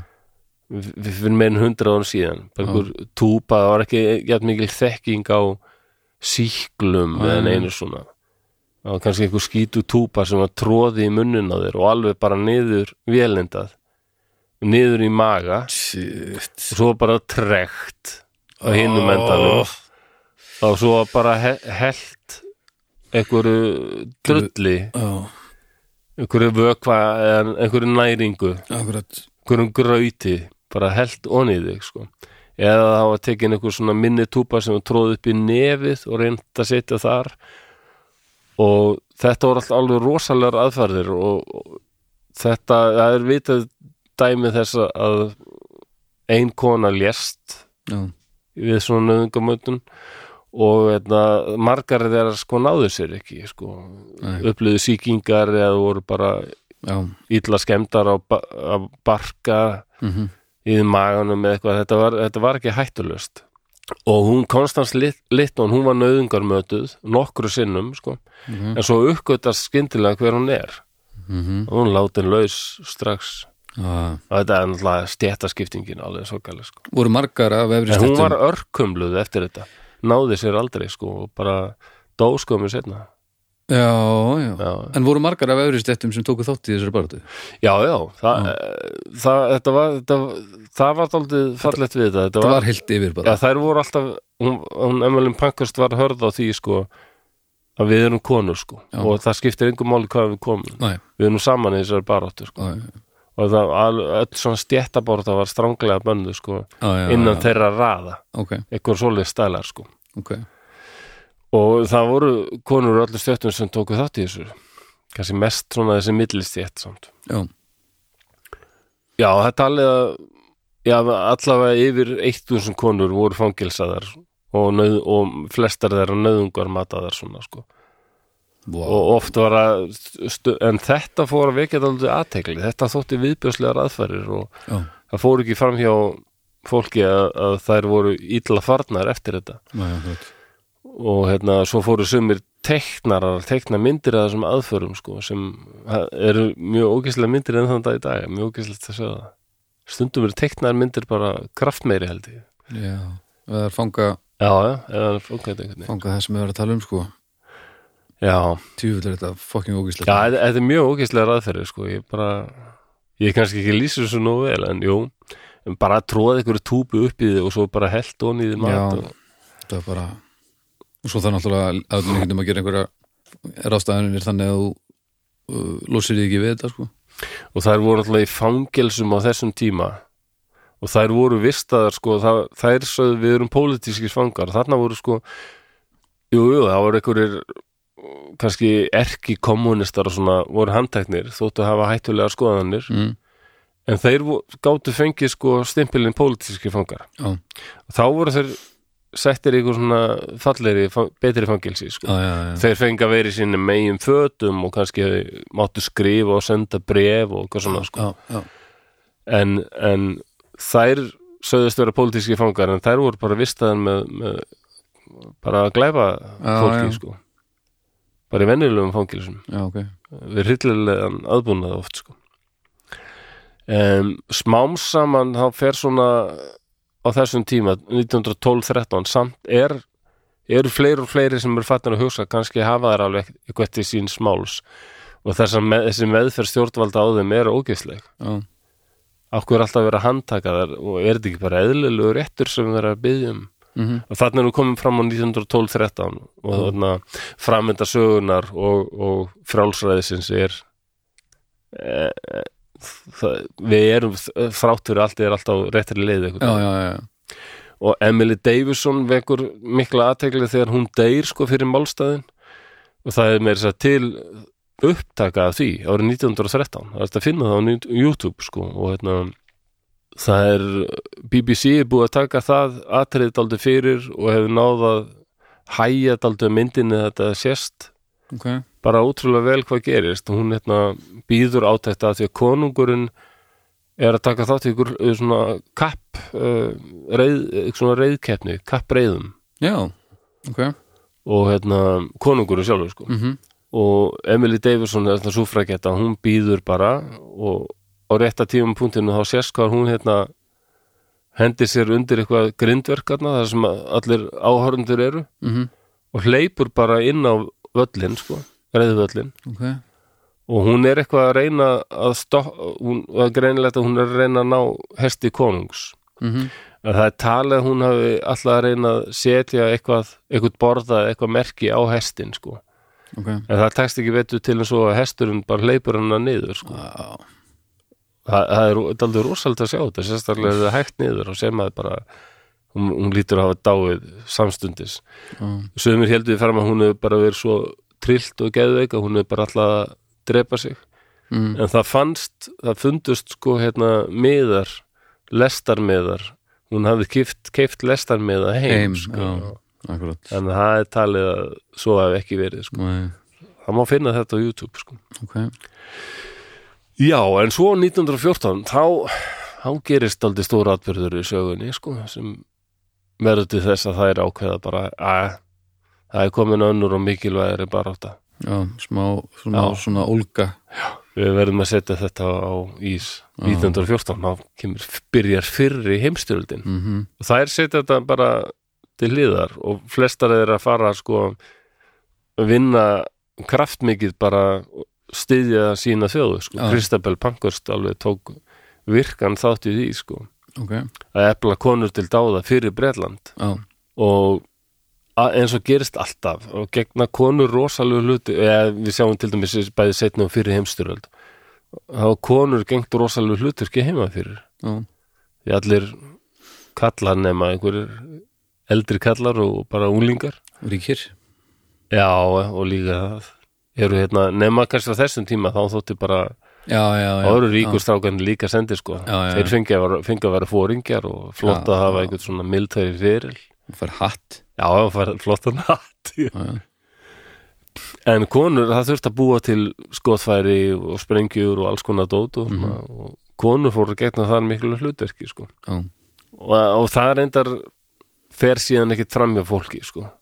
næ, og í lok stríðsins þá ákveður 1918 þá ákveður loksins The Parliament mhm, breska þingið að veita konum kostingarétt það er æðislegt, eða hvað nei, sko maður skoða þetta að því þær þurft að vera orðnar 30 ára gamlar 30, já, ok, og þær þurftu að vera eiga sko hús eða vera eiginkonur einhver sem átti fastegn þess að Vera- eiga eitthvað það, Og já, já, hérna- já, já, já, já, og þær þurftu líka að vera ég man ekki hvort það þurftu að vera eða hvort það líka sko þau vera mentaðar konur já, ok en það voru samt alveg ef, svona ég, ef ég væri í þessari stöðu nei, þá væri Það ég er- sennilega ekki búin að, það mætti, hefði ég ekki mátt kjósa bara. nei, nei og það, þetta gildi líka um karlmenn sko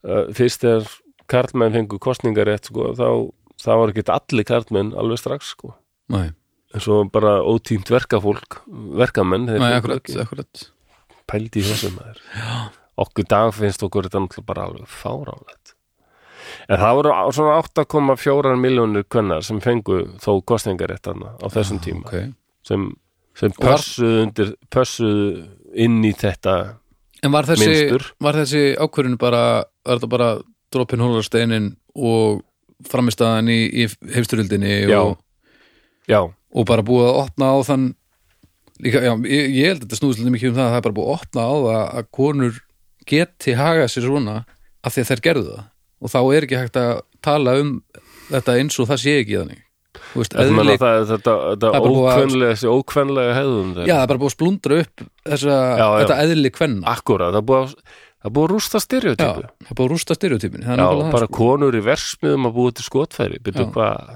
ha, geta þær þetta Já. akkurat helviti stereotypur já, kallmenn með farða og varalit þetta er ekki hægt allir styr við erum að lemja þennan mann Þetta passar ekki Þetta er stereotypur leiðilega Já, það eru það Það eru, ég sé ekki hvaða hlutverki það er gegn eins og ekki nema sem einhver svona comic relief stundum Þú veist, gena grína finnum að þeir eru bara að tala Hefur pæltið því alltaf að við gerum grína einhverjum þjóðum, einhverjum svona Já, Gerðum alltaf eins já, já, já, já það er Alltaf þannig. við gerum grína finnum á dýfku röddina og já. tala alltaf með svona semingi og, Já, þumlarnir og við erum rosalega þunglindir og drekkum mikið Já, og segjum bu- ekki um mikið Butarnir er loft þegar þú fer til Ítalíu Já, og já. allt þetta Já, Ítalir er alltaf að tala svo Já, alveg.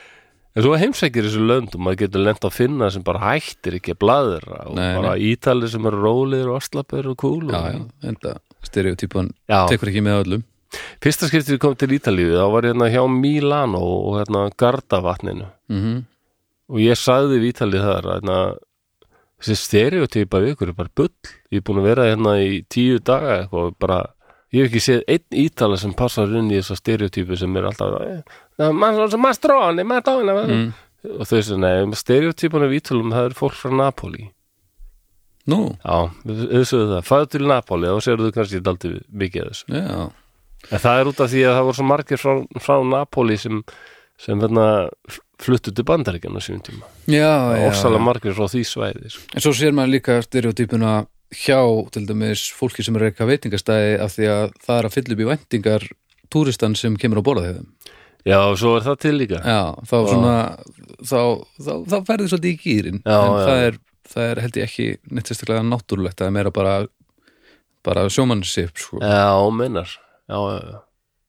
Hvernig ættum við Íslendingar þá að vera til að falla inn í eitthvað kram Svolítið skrítin og excentrik og Já, og bara, einmitt, í einhver svona dansa eitthvað skrítna dansa og borða undarlega mat og... Já, og leið á vetuna og eitthvað Og Já, besti það er öll- alveg ótrúlega hvað fólk hugsa sko. Einn vinkonum mín var að vinna í kerlingafjöllum eitthvað stærinn á hálendinu eitt sömar Já, og ég held hún sé núna sko, í doktorsnámi í mannfræði ok, í Fraklandi eitthvað stað Já, sko, nice. ég bara, og hún var þarna að klára mastersnámið þetta var eða eitthvað já, var, var að vinna þarna sko, og hún sagði bara að það var ótrúlega oft sem fólk var að koma þarna hvort ef það var einhver gisting hérna upp á hálendi, ég veit ekki alveg hvað þetta var Mhm. en fólk var að koma þarna og það var oft fólk að spyrja hana já, ert þú hérðan? já, já, ég er hérðan sko, já, já, og hérna og, það er, og hún talaði þessi fólk og, og hvernig ferði í skóla hérna, er þetta bara kemur kennari hérna, eða hvernig hérna?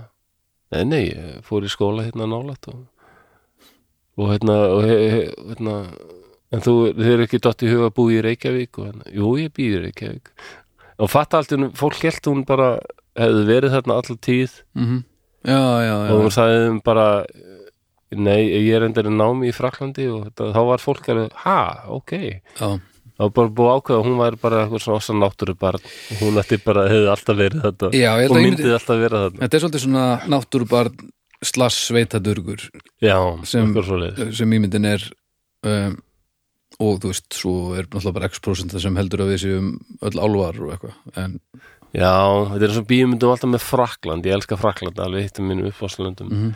en alltaf bíumyndum alltaf þessi harmonika já, já, og sér fyrir þú fyrir eitthvað þorp og það er alltaf eitthvað, einhver harmon, eitthvað væl og eitthvað fólk með alltaf húr já, já. þetta er ekkert svona maður Nei, nei, og þau Þegar eru ég kom til Fraklands, það var ekkert einhver disco bara Æ, akkurat. Úlum befe, bæsum sem bíðu bæ Já, þegar ég fór fyrst í fragnast þá er ég svo eini sem verið þörundúti Já, nákvæmlega Það var rosalegt sko. Já, það er sjokk sko Alltaf við erum öllu þjóðurum það alltaf uh, hækka röddina aðeins upp í eitthvað svona og Já, já, Yes, uh, I'm from Germany and uh, já, já. Þjóður er ekkert svona Nei, það er ekki svona Nei, nei, ok Okkur fóruð við þetta Góð spurning Já, já Já, stereotypur, voru að tala um Já, það já, já, já. Leiðilda já. stereotypur um, Mm, En já, þær en- þurfa að uppfylla helviti mörg skiliri En hvað sagður, 8, hversu marga miljónir 8,4 miljonir 8,4 já. sko. Tíu ánum seinna þá var hérna það var sagt bara við prófum þetta já, já, vita hvort þetta virkar sko ok Ég held að þetta sé algjört brálaði sko að gefa konum kostningarétt en við skulum prófa hvernig þetta virkar ok. en, og tíu ára setna þá bara sagði hérna söðu Tories Mm. conservative party Já. þetta er bara er auglust mála, þetta er bara allt í lagi konur Já. mega alveg kjósa já, og hérna Tóris barust aldrei fyrir því að hérna þau, þau myndu kjósið okkur og við gefum konum kostningarétt Mm. mm. sáum náttúrulega bara þarna fullt af kjósundum já, já, kannski og hérna þ- þá fengu allar konur yfir 21 árs aldri hérna kostningarétt Já. 1928 28 já. Já. bara, bara flatt sko Já. orðum 21 árs, nei 21 árs já, já, já, Já. árið 28 sko. 28, já, akkurat Það er eitt svona sæt eh, auka hlutur sem, að því ég er svo mér elska fótbolta mhm, það gerðist nefnilega í fyrir heimstyrldinni það voru ekki kallmenn og bara fótbolta var rosa vinsæll mhm, en allt er nú bara ekki kallmenn, þeir eru bara fartir bara í já, já stríð það bara, og hvað á að gera? Uh, það er eitthvað stelpur sem er að spila þarna förum og horfum að þær já, og þarna, það er úrlega vonlöst maður stelpur að spila fótbolta, það er bara foran svo horfum fleiri og fleiri og svona kíkja þarna, það er náttúrulega gaman að þessu það eru hún ágættar, bara draga ekki, halda ekki aftur að sér og bara mhm, og þannig að þegar strákarnir koma heim úr fyrir heimstöldinni þá bara er eru stelpunar bara farnar að draga mörg þúsund áhörundur á leiki sko. já bara kvennafótboltin er orðin gífulega vinsæll sko. ok, og hérna og þetta veldur bara rosa vandræðum sko. nú, já, já, þetta kom að kalla fótboltum í gangi aftur og þetta var bara og þetta var bara eitthvað að tröfla sko. var það gert með því að, nei jú, jú oh. Eh, FA Oh. sem heit FA sem heitir Football Association vil er allir heimski Ég veit það Þá var ákveðið 1921 að banna hvenna fótbolta eina í stöðunni myndi ég segja Já, hérna erum við með eitthvað gott, svo erum við með annað sem að var einu sinni gott já, já og nú þurfum við að koma því upp, já, bönnum þetta sem er Já, gott banna þetta Já, af því þetta er sniðugt. þetta hefur trublandi áhrif á kallafótboltan og, Djöfull eru og allir svo er heimskir þetta líka þykir þetta, þetta er ekki, þetta er of ókvenleg íþrótt Já, já, Þannig já, að já, þrátt já, já, 1921 sko já, já. og, og núna er 2021 og ennþá eru konur að berjast við Já, eitthvað svona kvenlegt eðli og svona Það er aldrei skítuð þetta, það var nú ágætt að fá eina kvenmannshönd til þetta. maður heyrir þetta ennþá já, já. þetta er allir fokkir heimskir þetta, þetta, er, þetta er, já, já þetta er bara mitt motto, sko þetta er bara, Nei, þetta ég er líka hugsa bara, þetta á hverjum degi líka bara þegar maður heyrir einhvern, þegar einhverjir að segja þetta og þeim líður eins og þeir séu að gera eitthvað original Þetta er búið að vera svona í fleiri, fleiri aldir já, Þú ert já, að segja eitthvað sem einhver tussi var að segja fyrir þúsund árum, skilur já, já, og, þi- og maður sér að viðkomandi líður eins og já, ég er nú aldrei að standa vörðu mitt hérna eins og enginn hefur gert Já, já. Djúvis, hett er ég, flottur æ djúvill er ég flottur djúvill er allir heimskilt, Já, þetta er- anskotast rásl þetta með fótboltan, sko og það er, Mm. ég skil ekki Það- af hverju ég skil ekki af hverju það er ennþá fólk í dag sem sér ekki að þetta er miklu betra fyrir alla ég, ég, að, hafa, ég er að, alveg að saman laga þessa hluti ég bara skil það ekki Nei. bara, hvernig getur verið hvernig, hvernig nærmaður að ríhalda svo mikið í tunnelvision þegar maður er með svona mikið í gangi sérstaklega í kringu sig eins og í dag sko Mhm. hvernig er ekki hægt að sjá að þetta er á réttri leið þetta verður allt miklu betra fyrir fokking alla já, já, þetta gerir mig alveg ég brjálaðan. veit það djöfullin maður sko undrandi á því ég sé þunglindur Ah. Já, já, ég veit að en þetta, þetta mjagast samt, en okkur þarf þetta mjagast þegar þetta, þetta er bara að taka risaskref þess vegna horfum ég á Star Trek til að láta mig líða betur af því að það gerist 20 2300 og eitthvað Það er nei, eitthvað 2004 breyt- öld eitthvað Mm. held ég. breytilegt 2004 öld held ég. þá er þetta þá er ég búin að ná þessu alveg já, það, var, og, það er mjög fyndið að- ætti að nota og peninga og, það var lagt fram löngu áður en, en við erum, erum komin á þann stað sem við erum á í dag sko. Já, já Það er til dæmis eitt Star Trek þáttur ég held ég við talaðum með þetta hérna áður sem er daldi frægur svona, þar sem hann hann rækir Já, já, aðstjóðarkafteinin já. hérna, sem leikinu Jonathan Frakes Já. þar sem hann verður eiginlega ástfangin af hérna, já, og- og- ókinn já, Já. einhverju svona geimveru sem er sko ókinn þar sem- greind sko. þar sem að, að, að allar geimurinnar þeirri plánandi eru búin að þróast frá eh, já, uh, því að vera í kyni þannig að það er bara non já, og hérna þetta kemst upp sko og hún er það eru haldin réttarhöldi yfir henni og- Já, það, það kemur semst í ljósa að, að ákveðin prósenta innan þessara eh, þessara, hérna, gemverur já, eða, hvað kallar maður þetta? Já, fólki á sér blöndu, já, ákveðin prósenta skilgarinn sé á, áfram út frá gömlu Já. kynum með líður eins og þessu kallkyn eða líður Já. eins og þessu kvenkyn en það er alveg kólulegt já, og ef það kemst upp þá ertu sendur í normaliseringu sem steikir það Akkurat. heilan og þá ertu Já. aftur orðin engin eitt akkurat og hann brýst hann inn sko réttarhöldin og reynir eitthvað að stoppa þetta hann hefur engin áhrif svo hittir hann hana Já. að því hún var nú frekar kvenleg sko Já, og þá er einmitt búið að heila þó hann eitthvað og svona. og hann fer en heim hann, mér finnst það áhugavert nefnilega að Jonathan Frakes sagði setna um þátt sko, þetta var ég veit ekki hvort þetta var 1990 eitthvað sem þessi þáttu var gerður 89 Jú, eitthvað. eit- eitthvað um það Hans, hann vildi hafa þetta sko, hann gerði sér grein fyrir að þau voru að gera þetta eitthvað sem var aldrei svona það var statement sko, Já. það var svona og hérna, hann vildi eiginlega sko að, að leikonan væri karlalegri sko. það væri Já. óræðara hún, hún Já. fannst hún of kvenleg það, það, það Já. væri meira svona hún var svolítið, sjokkarandi sko. hún var svolítið kvenleg, það er já, alveg rétt hún en, var svona full kvenleg sko. en það var samt alveg en samt verða það með við tíman, Já, já. það er ekkert langt síðan ég horfði á hana þátt sko. nei, nei, og ég talaði mikið við veru um en þátt bara á þessum tíma að fara í þennan Já. pakka sko. þetta er alveg magnað að hafa gert það er þetta, það, ég man bara alveg eftir þessum tíma sko. ég var 22 ára 1990 sko. Þannig, að- sko. ekki ég sko og það er heilmikið breyst, ég hef séð það sjálfur Já. sem betur fyrir og svo náttúrulega horfum við núna á, á o- o- okkur yngra fólk í dag sem Já. er brjálað alveg komið nóg að þessu og er bara að, að rífa allt í sig já, já, og ég, ég hef sjálfur stundum gaggrind þetta ég hef verið svona að hugsa, sko, mér finnst stundum sumir feministar of reyðir, sko ég veit ekki hvort að, en ég skil það rosalega vel, já, það er bara ekki þetta ákveðeldur nei, nei, það er ekkert mitt ákveða ég get samt haft fundist eitthvað um það, sko, Aðsálsu, en þetta ég held bara til þess að æ, ég gerur klart brjálað, en ég held bara til þess að fá karlmenn í barnuna með sér, sko mm, ef einhverja konur vilja það þá þarf að fara þaldi varli í það að tala um karlmenn sem alltaf sko sem gerandan, vonda hérna aðilan, þetta sé svona svart hvít baráta sko, En að því það hún hætti er líka- það ekki en það er líka búið að vera að, að, nú er bara að reyna að afmá það sko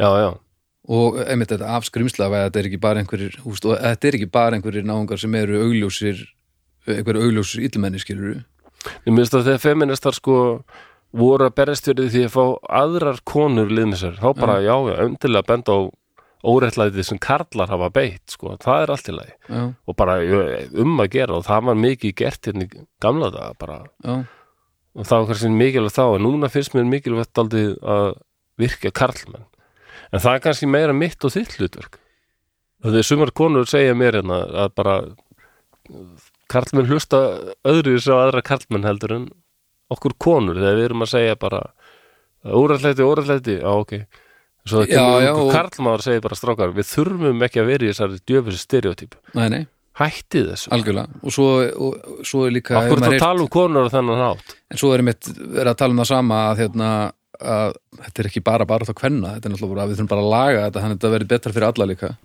Nákvæmlega en Já. við þurfum að, úst, þetta er þessi balans líka að hlusta á hvernig úst, hvernig þær vilja að við hjálpum með þeim og það líka að gera ekki kröfu á þær að þær þurfi að leið okkur í gegnum eitthvað að því við þurfum líka að gera hluti sjálf úst, það er ekki hægt að skella bara á þau eitthvað, á, nú, nú þurfi þær, þið hérna sína okkur hvernig við um eitthvað að hafa okkur mm. og við vitum alveg rosalega mikið hvað er að sko. þó, við Já, höfum já. ekki, þó við séum ekki með sömu upplifanir og sömu reynslu af óreitlættinu eins og þær Mm þá vitum við alveg helling hvað er hægt að gera og Já, breyta og laga sko. Reyndar mér stand alveg frábært að konur segja frá og segja frá ymsu Já, Ég, al- vissi- ég absolút, vissi sko. til dæmis ekki að ég áttaði mig ekki á þessu að þegar ég er að labba eitthvað staðar klukkan tvöum nótt og Já, það já, er já. kona að labba fyrir frama mig að hún er óörug Nei, nei, algjörlega hún veit bara að það er kallmaður fyrir aftan hana tíu metrum fyrir aftan hana, hún veit ekki hver þetta er og það er ekkert margir á ferli og hún er bara að hugsa um það gæti verið illmenni en ég er bara að labba fyrir aftan einhverju konu og er ekkert að pæla í þessu algjörlega og, og, Ég- ég- og öllu svona tekum maður Já. sko vagnandi en, s- en ég held að ég sé líka að tala um það sko að, að þær, þær konur sem eru hvað mest í þessari baráttu uh. þær fá svo mikið af ég held að þær fái holskepluna af mönnum sem að vilja gera betur og við, við eigum það til að setja svolítið þá svona pressu á þær að þær eiga leiðbein okkur hvað við eigum að gera og hvernig, þú veist, 100% mm. á meðan þú getur líka bara að fara á netið þú getur bara kynntir máli sjálfur og þú getur líka bara aðtöga hvað er að þjóð þér og, og byrja að laga það og, já, og uh, þú veist, þannig að það sé þú veist, við þurfum að hjálpa til en við, þetta, við verðum líka, þetta er alveg okkar baróta líka sko. Þú veist, þetta er ekki bara við að styðja þær að þetta er að hjá öllum sko. já, ég er sammála því, mér finnst það Mér leiðist þessar stereotypur og líka uh, þessar stereotypur karlmanna, sko já, já, Já, algjörlega. já, all right um, Já, ég er eiginlega búin, búin með þetta bara komað aðeins að Íslandi Já. því að þetta var náttúrulega líka að gerast hér Við vorum að undan breytum Já. um, Þetta gerist líka í áfengum á Íslandi já, en við vorum aðeins meira kúl 1915 já, Ég held að við sem eitt af fyrstur Norðurlöndunum en finnar náttúrulega Já. voru á undan öllum því að þrátt fyrir að finnar séu oft haldallir eða þessi rosa lúðar þá eru þeir alltaf undan í öllu svona. já, og með betra heilbriðiskerfi og betra mentunar, mentunarstig og allt Já. það, já, já. betra þunglindi Ný, já, 19. júni 1915, ég held að finna sér ekki tunglindir, þeir eru bara alltaf nýkomnir úr guðubæði já, og hvernig líður þér þegar þú ert nýkomin úr guðubæði svoðin já, og það Soðin. er bara allir vöður eru slagir, þeir langar ekkert mikið til að tala já, þetta er eiginlega svona, þetta er bara svona lett þunglindi, ég, ég held að sér bjart, bjart þunglindi Þeir finna sér ekki þunglindi, þeir bara Nú Ég- talaði til þeim, ég er ekkert að nota mikið af vöðum og þá bara talaði þetta aldrei svona hljóma ég kannski voðalega þunglindur en ég er bara nýkomin og guðubæði það er rosalega þægilegt og ég er bara að hugsa um hvernig ég get farið í næsta guðubæð það er eina sem ég hugsa um mm Þetta eru finnari nótskurð ég er líka ánæði með að þú segðist að hatta hérna, stereotypur og svo byrjar að tala um finna Ég veit það, menn þetta er alltaf í þetta En Já, ég, finna, þetta var sko. öðruvísi, öðruvísi teika það sko. Ég held Ég, að ég Evrópubúar séu sagði þeir eru ekki Ég þunglindir held að Evrópubúar séu nú bara að að glaðari en, en talaðir um sko Já, Þetta ok er bara, og jarðarbúar, já, það eru rosa flottir þetta er, þetta er svolítið svona Já, já, ok Nei, nei, þetta var ekki stereotypan Ég var að tala um já, nei, nei, nei, nei, og þannig að setja alla finnsku þjóðundur í einn ein Já, hatt en- sem er svoðin úr gufu ég, Já. ég þekki slatt af finnum sem þólíki gufu sko. Nei, það er við tölum ekki ekki um Nei, það er ekki til það, það passar ekki ný nei, Það er ekki til nei, nei, nei, Þú veist að það er ekki til ég veit ekki eh, hvað, hvað Það er er nú þetta bara svo að tala um bara Íslendingi sem þólur ekki harðfisk Ná, nei, ha, Þetta er brjálaður ah, ertu að fa- ertu að fara með skrýtlu? 19. júni 1915 Já, Þess vegna er 19. júni Hvenna dagur akkurat, hvernig er þetta Þá fengu íslenskar konur 40 ára og eldri mm -hmm. kostningarétt Mhm. og mátti kjósa þar til alþingis 40 ára og eldri Já, og á þessum tíma þá eruðum við svona 42 Ná, Nei, ok, það nei, er svona já, já. betra en, En já, ég, ég, en, en, en alveg en rétt. þá sko maður sem heitir Valdimar Ásmundsson hann hefði skrifað grein hann var með blað sem hétt Fjallkonan Mhm. og hann hefði skrifað grein árið 1885 þá um stjórnmálaréttindi kvenna í það blað og líka kona sem heitir hétt Bríett Bjarniðistóttur Bjarniðistóttir Mhm. sem er svona álindin alveg einn helsti Já. frumkuðull og talsmaður kvennastinda Einn af okkar aðal kanónum Já, já Og þannig að þá var þetta alltaf að byrja hér en svo hérna 1920 þá er hérna ný stjórnarskrá gerð Mhm. minnum mig, hún var gerð það ár og þá fá allar íslenska konur og kallmenn bara, skiptir engum máli hvort þú áttir eitthvað eða eitthvað, svona, Nei, bara 25 ára mátt kjósa Já, og svo hefur það verið lækkað núna, hvað er ekki konur í átján uh, jú, 18 en þú þarfst að vera 20 ára til að fara í ríkið Já, ok, að því að, að, að Já, já, eða bara Við þú ma- mátt ekki gifta þig líka átján og taka bílpróf 17 Nú, 16 nú máttu vera- Bílprófið ekki 16 Já, þetta er En Já, já, þetta, þetta er Já, já, þetta er skrítið sko já, já, Ef að, ég er náttúrulega bara þar að ef að á að leifa eitthvað svona þá verður maður að treysta ef maður ætlar að treysta fólki fyrir því að gera hluti ákveðnum aldrei þá þarf að treysta því fyrir já, já það er- flestu sko En ég hef ekki meira um þetta, þetta var bara svona aðeins um Já. súfragettur og hvað barata þeirra var magnuð sko Já, þetta var áhugavert sko Hvet tólk til að kynna sem meira um þær Það Já. er alveg heilmikið að finna á YouTube og, og netinum um súfragettur Já, Þetta er áhugaverð saga, bara hvað þær hafa verið ótrúlegar á þessum Já. tíma þegar þetta þótti svo Galið. út í, já, alveg- bara alveg galið sko. þær voru svona ákveðnar í þessu sko. það er til, það er magnað hvað, í, í, já, í gegnum ekki söguna hvað þegar fólki er of, endanlega ofbúið hvað hann er að afreka sko já, já, við hefum ekki afreka neitt af því að okkur hef- hefur aldrei verið ofbúið almennilega af því að við erum það sem við erum, held ég já, ég veit ekki hvað það ætti að vera sko. Nei, við erum sko, skynna með mér opið þetta bara réttindi annara einhvern veginn. já, já sjálfsögum, maður vill ekki vera partur á vandamálinu en, nei, nei, en ég hættur um að við tveir eigum eftir að fara í gegnum lífið án þess að þurfa að eiga þú veist, stíla við eitthvað sem kemst nála því sem að við erum Já, að tala um já. núna og, og höfum talað um í þessum þáttum sko. já, já, já maður alltaf í Danmarku og girt kynntist í nánga frá Sómali og hann var að segja mér ég ætti að heimsækja Sómali já, og sagði, ef þú kemur þangað, skalt ekki breg, láta þið bregða að fólk brosir ótrúlega mikið til þín og vill tala við þig og heldur kannski hurðinu opinni fyrir þér og svona og bara, og ég sagði, akkur gera það, já, af því að þú ert hvítu kallmaður Mm. ég bara, ha? já, og hann sagði, já, ég get ekki líst þessu öðru eða þú bara veist ekki hvað það er rosaleg forréttindi ég veit að þú ert ekki fættur að, en þú myndu upplifa það að þú ferð til Afriku að fólk bara hvítu kallmaður það er eitthvað það er forréttindi sagði hann. já, það, já, þetta sagði hann Já. Muhammad Ali sagði mér þetta Ha. hann hétt Muhammad Ali næs já, ég hef þetta ég hef genna að halda sambandið við hann ég hef oft spáði hvað hann getur verið í dag já, Frábær náungi. tekka á tekka á internetinu já, það var einhvern veginn þetta var, 90, þetta var held ég 97 eða 8 það var einhvern veginn ekki eins mikið svona Facebook eitthvað googlaðu bara Múhamed Ali, ég vissum þú finnur hann Oh my god herðu, Já, takk já. fyrir þetta, þetta var áhugavert Já, eða ekki? Jú, Já, frábært Ég hérna, fór um það. og takk fyrir Borg Ó, og, já, kærar og þakkir. Bríó og takk fyrir Bónus fyrir að hjálpa okkur með þetta e, það er algjör snilt og takk þið sem eru að hlusta og kæru Patreon-liðar e, takk kærlega fyrir a, að styrkja ykkur þar af því að það skiptir öllum á Já, það er rosalega það er og yndislegu stuðningur Já, bara- Mér línar hérstarættur Já. þessar hjartarættur og þær eru nú helviti það það er kalt, Já, kalt það er, já, það er oft sko Já, já Eh. Mér- Mér minnir á nýjast, á plötunum minni sé ykkur texti þar sem ég syngum að ég sé með hélað hjarta já, Voðalega hljóma þetta voðalega Já. Hjartað mitt hélað er það er ekkert annað Nei, nei, þetta er ertu búin að láta að kíkja á það Nei, nei, nei, Nei, nei. þetta er bara svona, svona Þetta er bara verður svona. þetta. en hérna, uh, nú skulum við renna hérna í, í nokkra nýja uh, Patreona, nýja djákna Nú, já, við skulum gera það sko herðu, nei, ég þarf að fara bara já, við Það er að þurfum vinna á eftir og ég er með við þurfum að taka auka, skítugt hár við þurfum það að er, taka auka þátt samt.